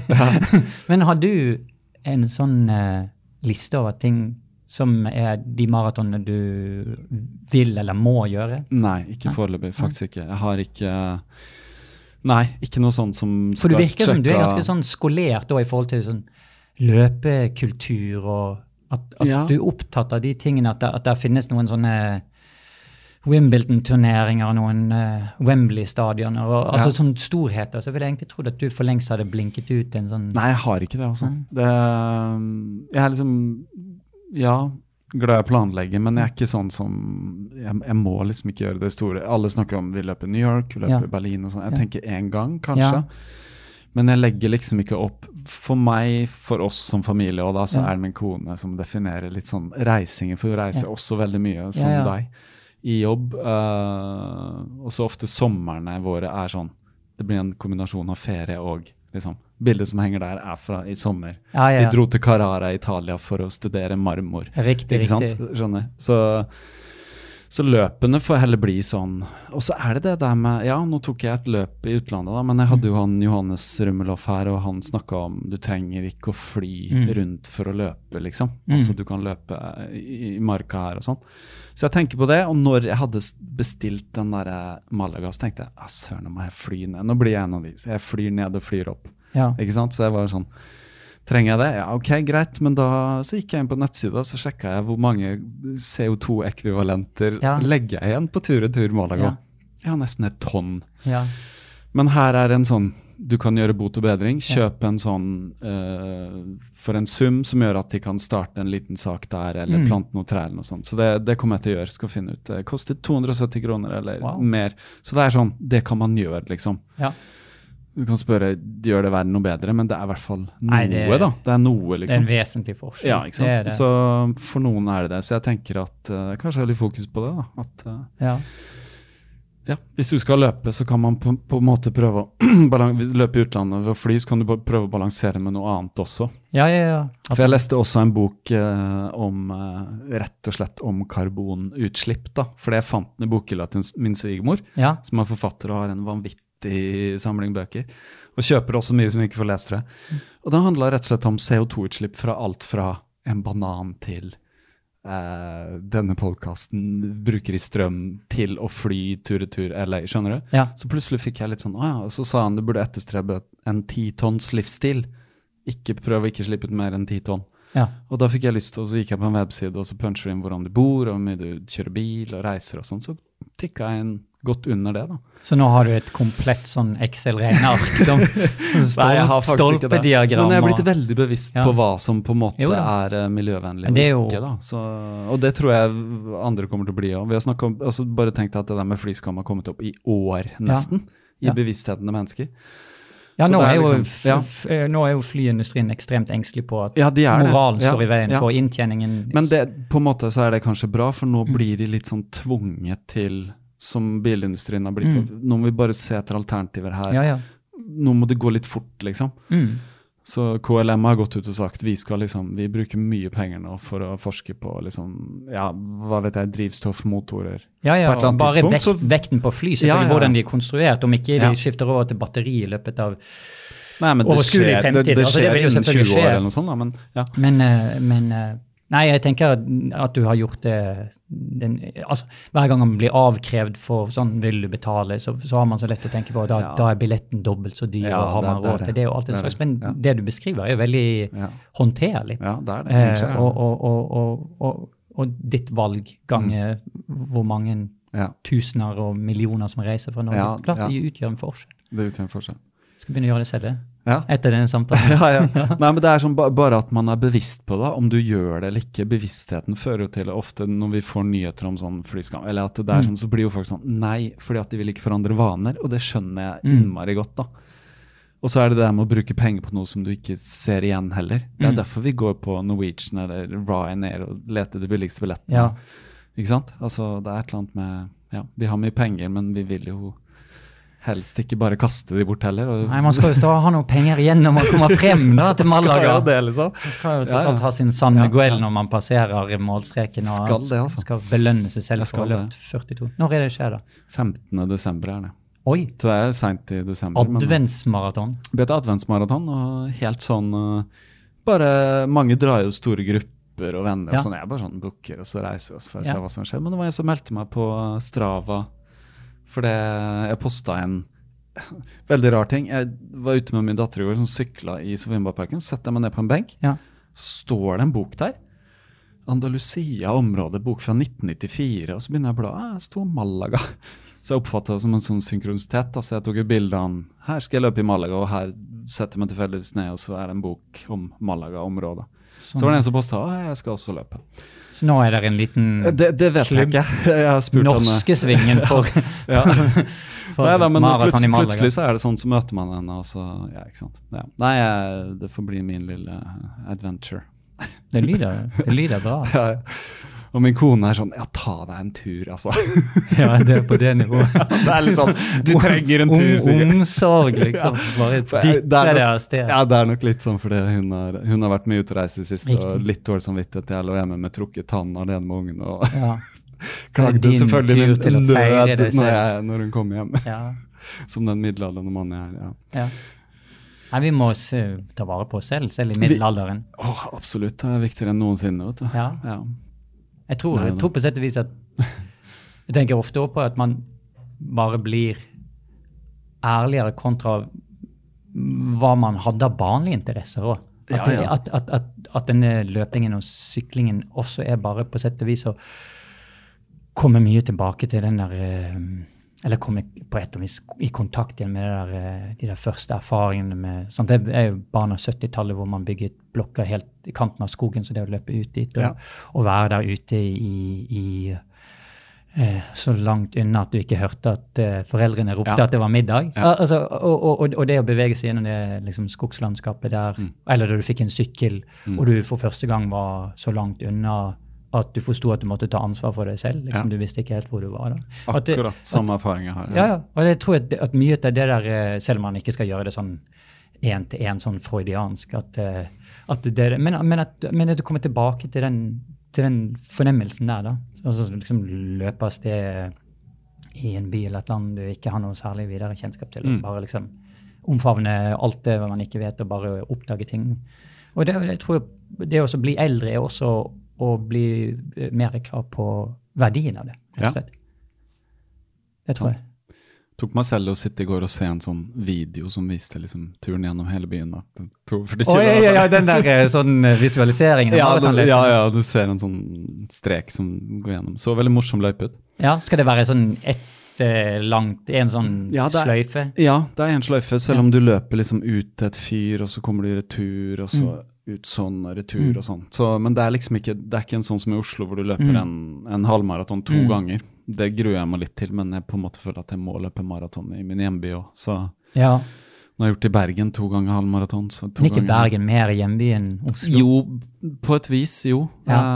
Uh, det var rart når jeg satt og snakka med en kar nettopp, og jeg fant ut at jeg bodde 14 år i Fredrikstad, 15 år i Bergen og 15 år i Oslo, så nå har jeg akkurat liksom en tredjedel. Så har jeg sånn, hva føles mest hjemme? På et vis Bergen, fordi det var de formative årene, tenåra, Ja. og så studieåra, Ja. ikke sant? Og da, ja. Så det, det, det liksom veier kanskje veldig tungt, da. Men nå er jeg selvfølgelig her hjemme. altså. ja. Jeg hadde jo min far i, bodde i Bergen, han har også gått bort, så det er liksom, nå er det ikke den familien der lenger heller. Det er liksom, ja. Så nå det er her du skal bygge, det er her du skal bo? ja, det er her jeg skal bo, selv om Ja. jeg elsker å dra tilbake til Bergen, og drar jo dit uh, jevnt og trutt. Jeg snakka med en annen bergenser nylig, Nicolas Jon, som har vært på podkasten på telefon. da. Ok. Eh, og lagde en liten sånn podkast, uh, Patrion-episode, spesialepisode av den, uh, hvor han var sånn Ja, tid kommer du til Bergen og løper parkrun og Mikeller og Jeg bare ja, ble sånn svar skyldig, jeg visste ikke helt når. Men uh, i dag mailer jeg med min gode venn Stig.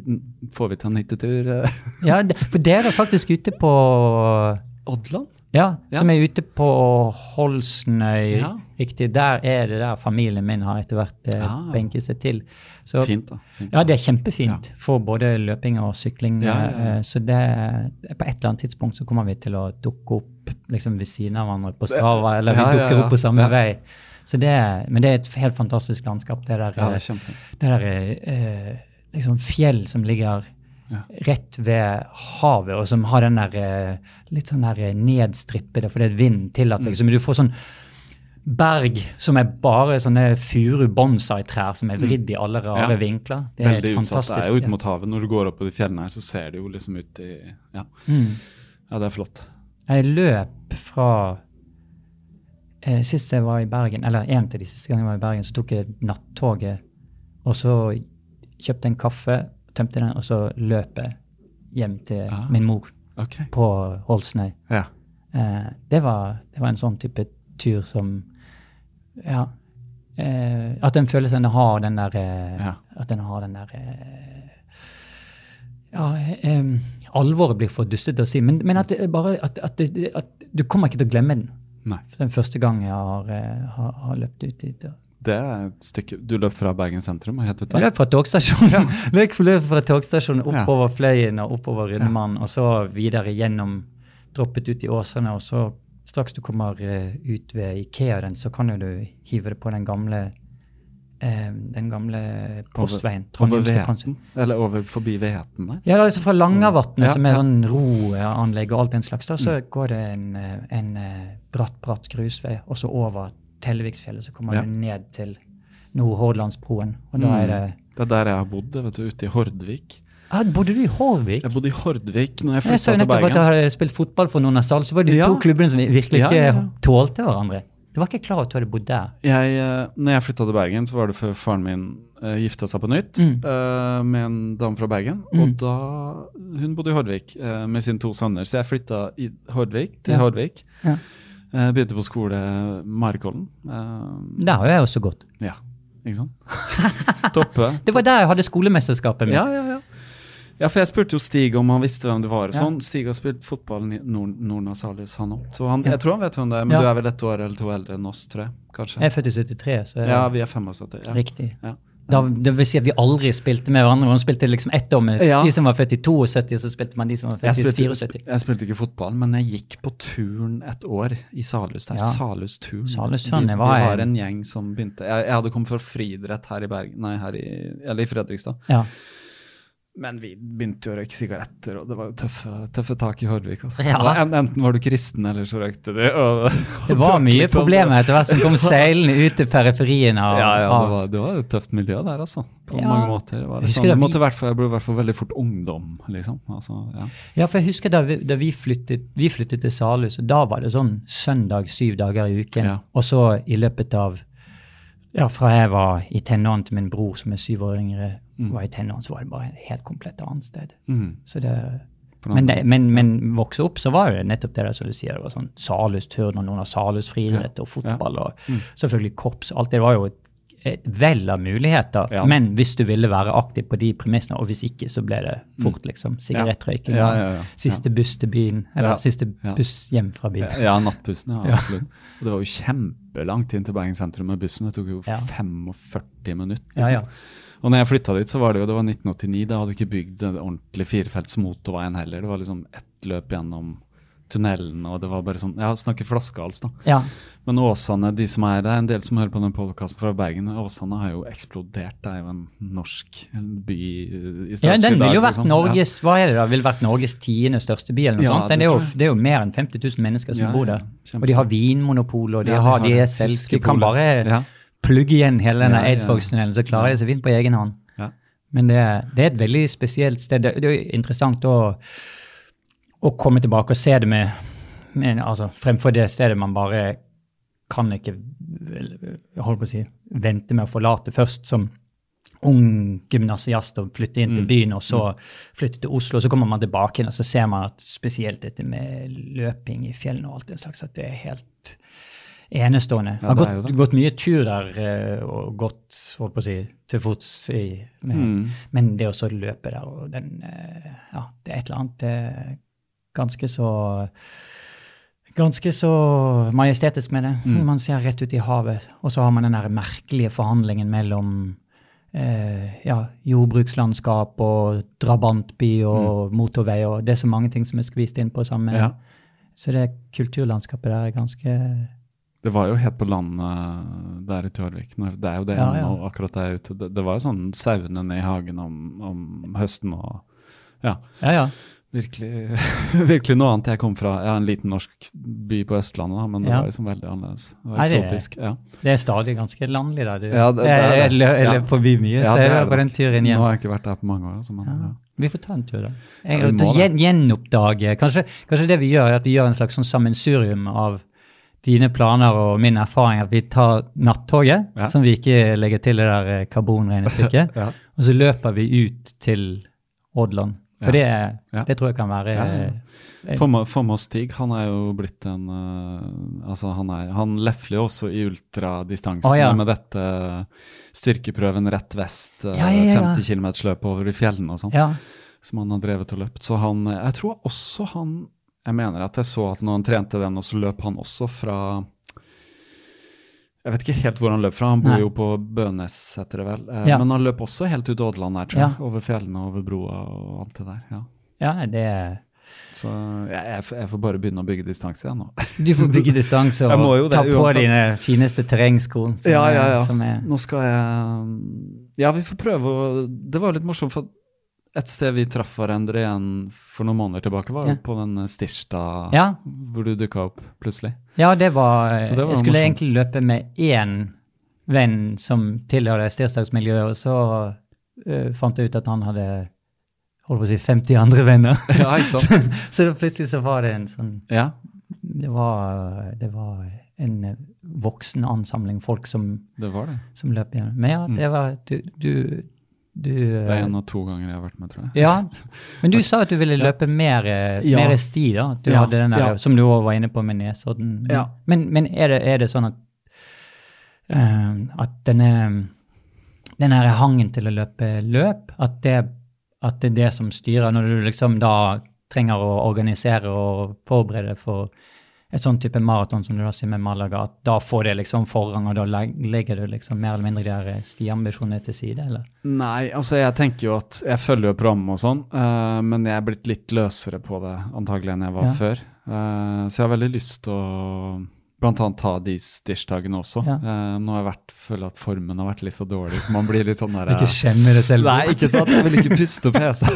For at når jeg drev og løp nå, så sist uh, i våres, så var formen ganske grei, for da hadde jeg trent halvmaraton, skulle løpe det Ecotrail 30, og da trengte jeg noen sånne Men uh, man må jo bare pushe seg selv uh, litt. Altså. Så er det tid, så gjør jeg det. Ja. Jeg sier til alle tirsdag klokka seks, så er det Ikke bukk noe som helst for tirsdag. Nei, men så, så Ja, så vi får se. Men det skal funke. Ja, det er noe med middag og barn. Og vi er Ja. sånn som barna kommer hjem, så vi kokulerer, ikke sant. Så vi bruker Jeg kan jo lage mat til liksom tre kvarter. Ja. Og barna får heller bare ta seg noen epler så lenge, liksom. Ja. Så, så jeg er litt sånn treig. Jeg er ikke så veldig god på bare middag og så stikke. Nei. Gjerne spise middag klokka seks. Du får gjøre sånn som det er sånn, sånn bestemor som alltid hadde sånn fryseren full av lapskaus og sånn. Ja. Vi, vi er så dårlige på det i vår tid. Vi skal alltid lage middag sånn hver gang. Ja, ja. Altså liksom sånn Hver dag så det liksom gå i butikken, og hva Ja. skal man kjøpe? og så, Ja. sånn, Denne eksistensialismen. Så, jeg «Hei, Ja. vet hva, Nå har jeg laget lapskaus, en sånn gedigen Ja. sånn gryte, og det blir middag et uh, x Ja. antall dager Ja. ut, utover. Det er jo egentlig enkelt å gjøre det sånn. Ja. Men akkurat uh, størrelsen på vår uh, fryserost, den er liten. Eh, Du får montere noe på utsiden av ja, vinduet. og så må jeg hakke den snart. Du vet hvordan ja, er ja. det blitt sånn Nei, du må ikke gjøre det. Det er det som alltid er tabben. Man, Da ødelegger man hele Ja, for da punkterer du, og Ja, så, det er det, det er så vips er det ingenting som kan Nei, gjøre sant. det. Men nå er det prekært, altså. Må bare eh, avvise den grundig. Det er det Ja, som er ja, det er tålmodighet. Ja, men når skal man få tid til dette? Ja, nå er det høstferie, kanskje vi får få til Ta i vinterferien når det bare la vinduene stå åpne. Ingenting som Nei. Bare hele kjøleskapet utpå.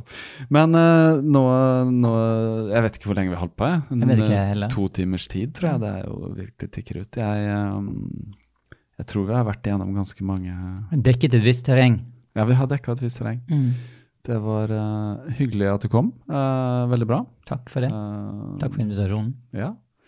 Det er veldig gøy å kunne få noen inn her som man kjenner litt fra før òg. Ja. Jeg har hatt ganske mange her som jeg aldri har møtt, og sånn, og da blir jo pulsen desto høyere.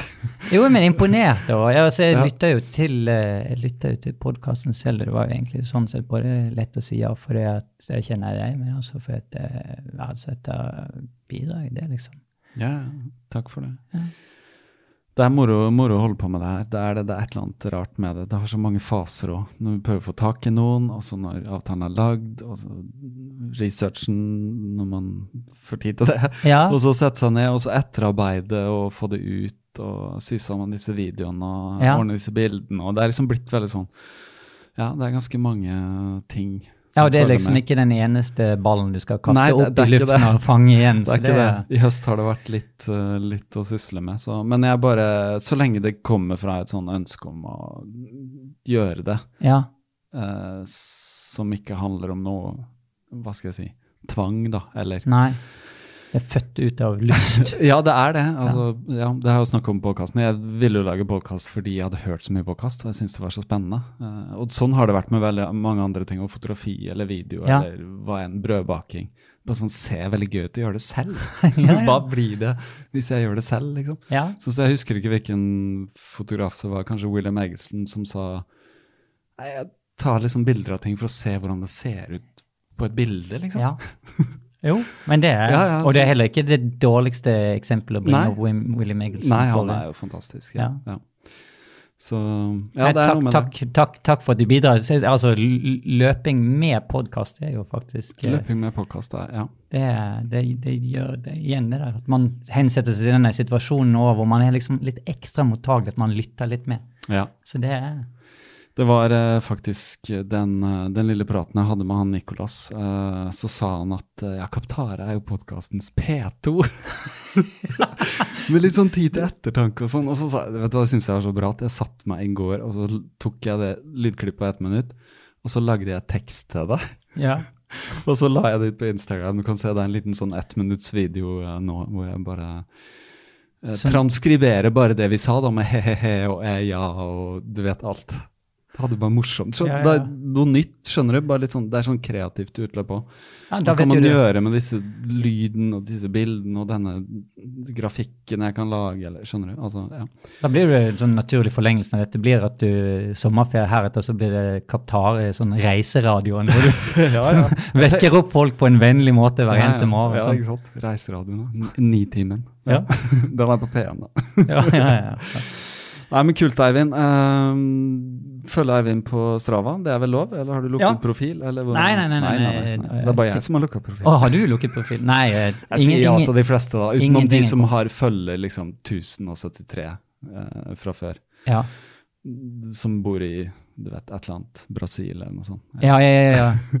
ja Det er som noen som bare sånn- eh, Ja, Ja. jeg fikk faktisk spam på Strava. Ja, ja. Merkelig. Ja, det kan rapportere. Ja. Yes.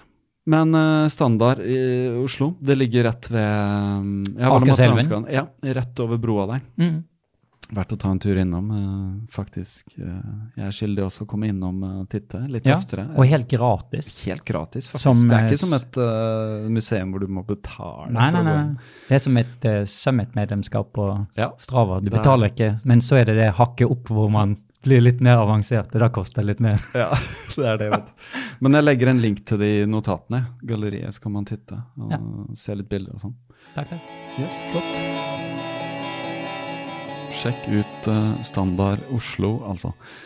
Um, og um, et lite tips, uh, hvis du vil se bilder av Torbjørn Rødland, um, kan man gå på uh, websiden til Deichman Oslo biblioteket og bare bestille en av bøkene hans, og så eh, låne den med seg hjem. Eh, hans fotobøker har noen av de fineste trykk som eh, er å oppdrive, og det er selvfølgelig ikke det samme som å se et bilde på veggen, men det er verdt det. Å se bilder er for meg veldig givende. Det er ikke så mye mer å si nå, annet enn takk til alle som hører på. Del podkasten der hvor den deles kan, uh, hvis du liker den. Uh, det bidrar til at andre kan oppdage den uh, på nytt. Det er alltid like gøy å få mail av lyttere som har oppdaget den og er entusiastisk. Det er kjempemoro. Fortsett med det. Um, takk til alle patrions atter en gang. Uh, hvis du er interessert i å få en surdeigstarter, gå inn på patrion.com, uh, skråstrekk kaptarepodkast, så treffes vi. Um, utenom dette, jeg håper du trener bra. Jeg håper du trener akkurat uh, så hardt at du forbedrer deg litt. Um, jeg uh, er inne i en økende periode, uh, dvs. Si mer mengde. Uh, kjenner litt på vondter her og der, selvfølgelig. Um, litt stivheter og stølheter og sånn, men det er sånn som det må være når man skal prøve å yte litt mer, litt lenger, litt fortere. Ha en eh, fantastisk dag, alle Qatar-podkast-lyttere.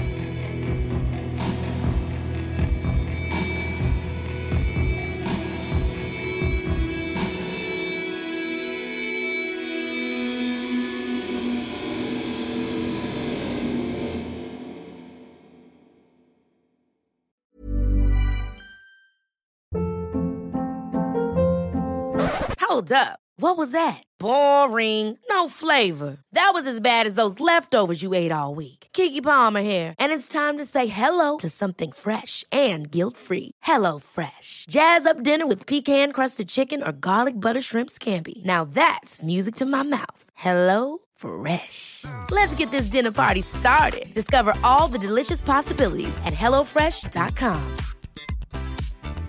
Planning for your next trip? Elevate your travel style with Quince. Quince has all the jet setting essentials you'll want for your next getaway, like European linen, premium luggage options, buttery soft Italian leather bags, and so much more. And is all priced at 50 to 80% less than similar brands. Plus, Quince only works with factories that use safe and ethical manufacturing practices. Pack your bags with high-quality essentials you'll be wearing for vacations to come with Quince. Go to quince.com/pack for free shipping and 365-day returns. Imagine the softest sheets you've ever felt. Now imagine them getting even softer over time. That's what you'll feel with Bowl and Branch's organic cotton sheets. In a recent customer survey, 96% replied that Bowl and Branch sheets get softer with every wash. Start getting your best night's sleep in these sheets that get softer and softer for years to come. Try their sheets with a 30-night guarantee. Plus, get 15% off your first order at bowlandbranch.com. Code BUTTERY. Exclusions apply. See site for details.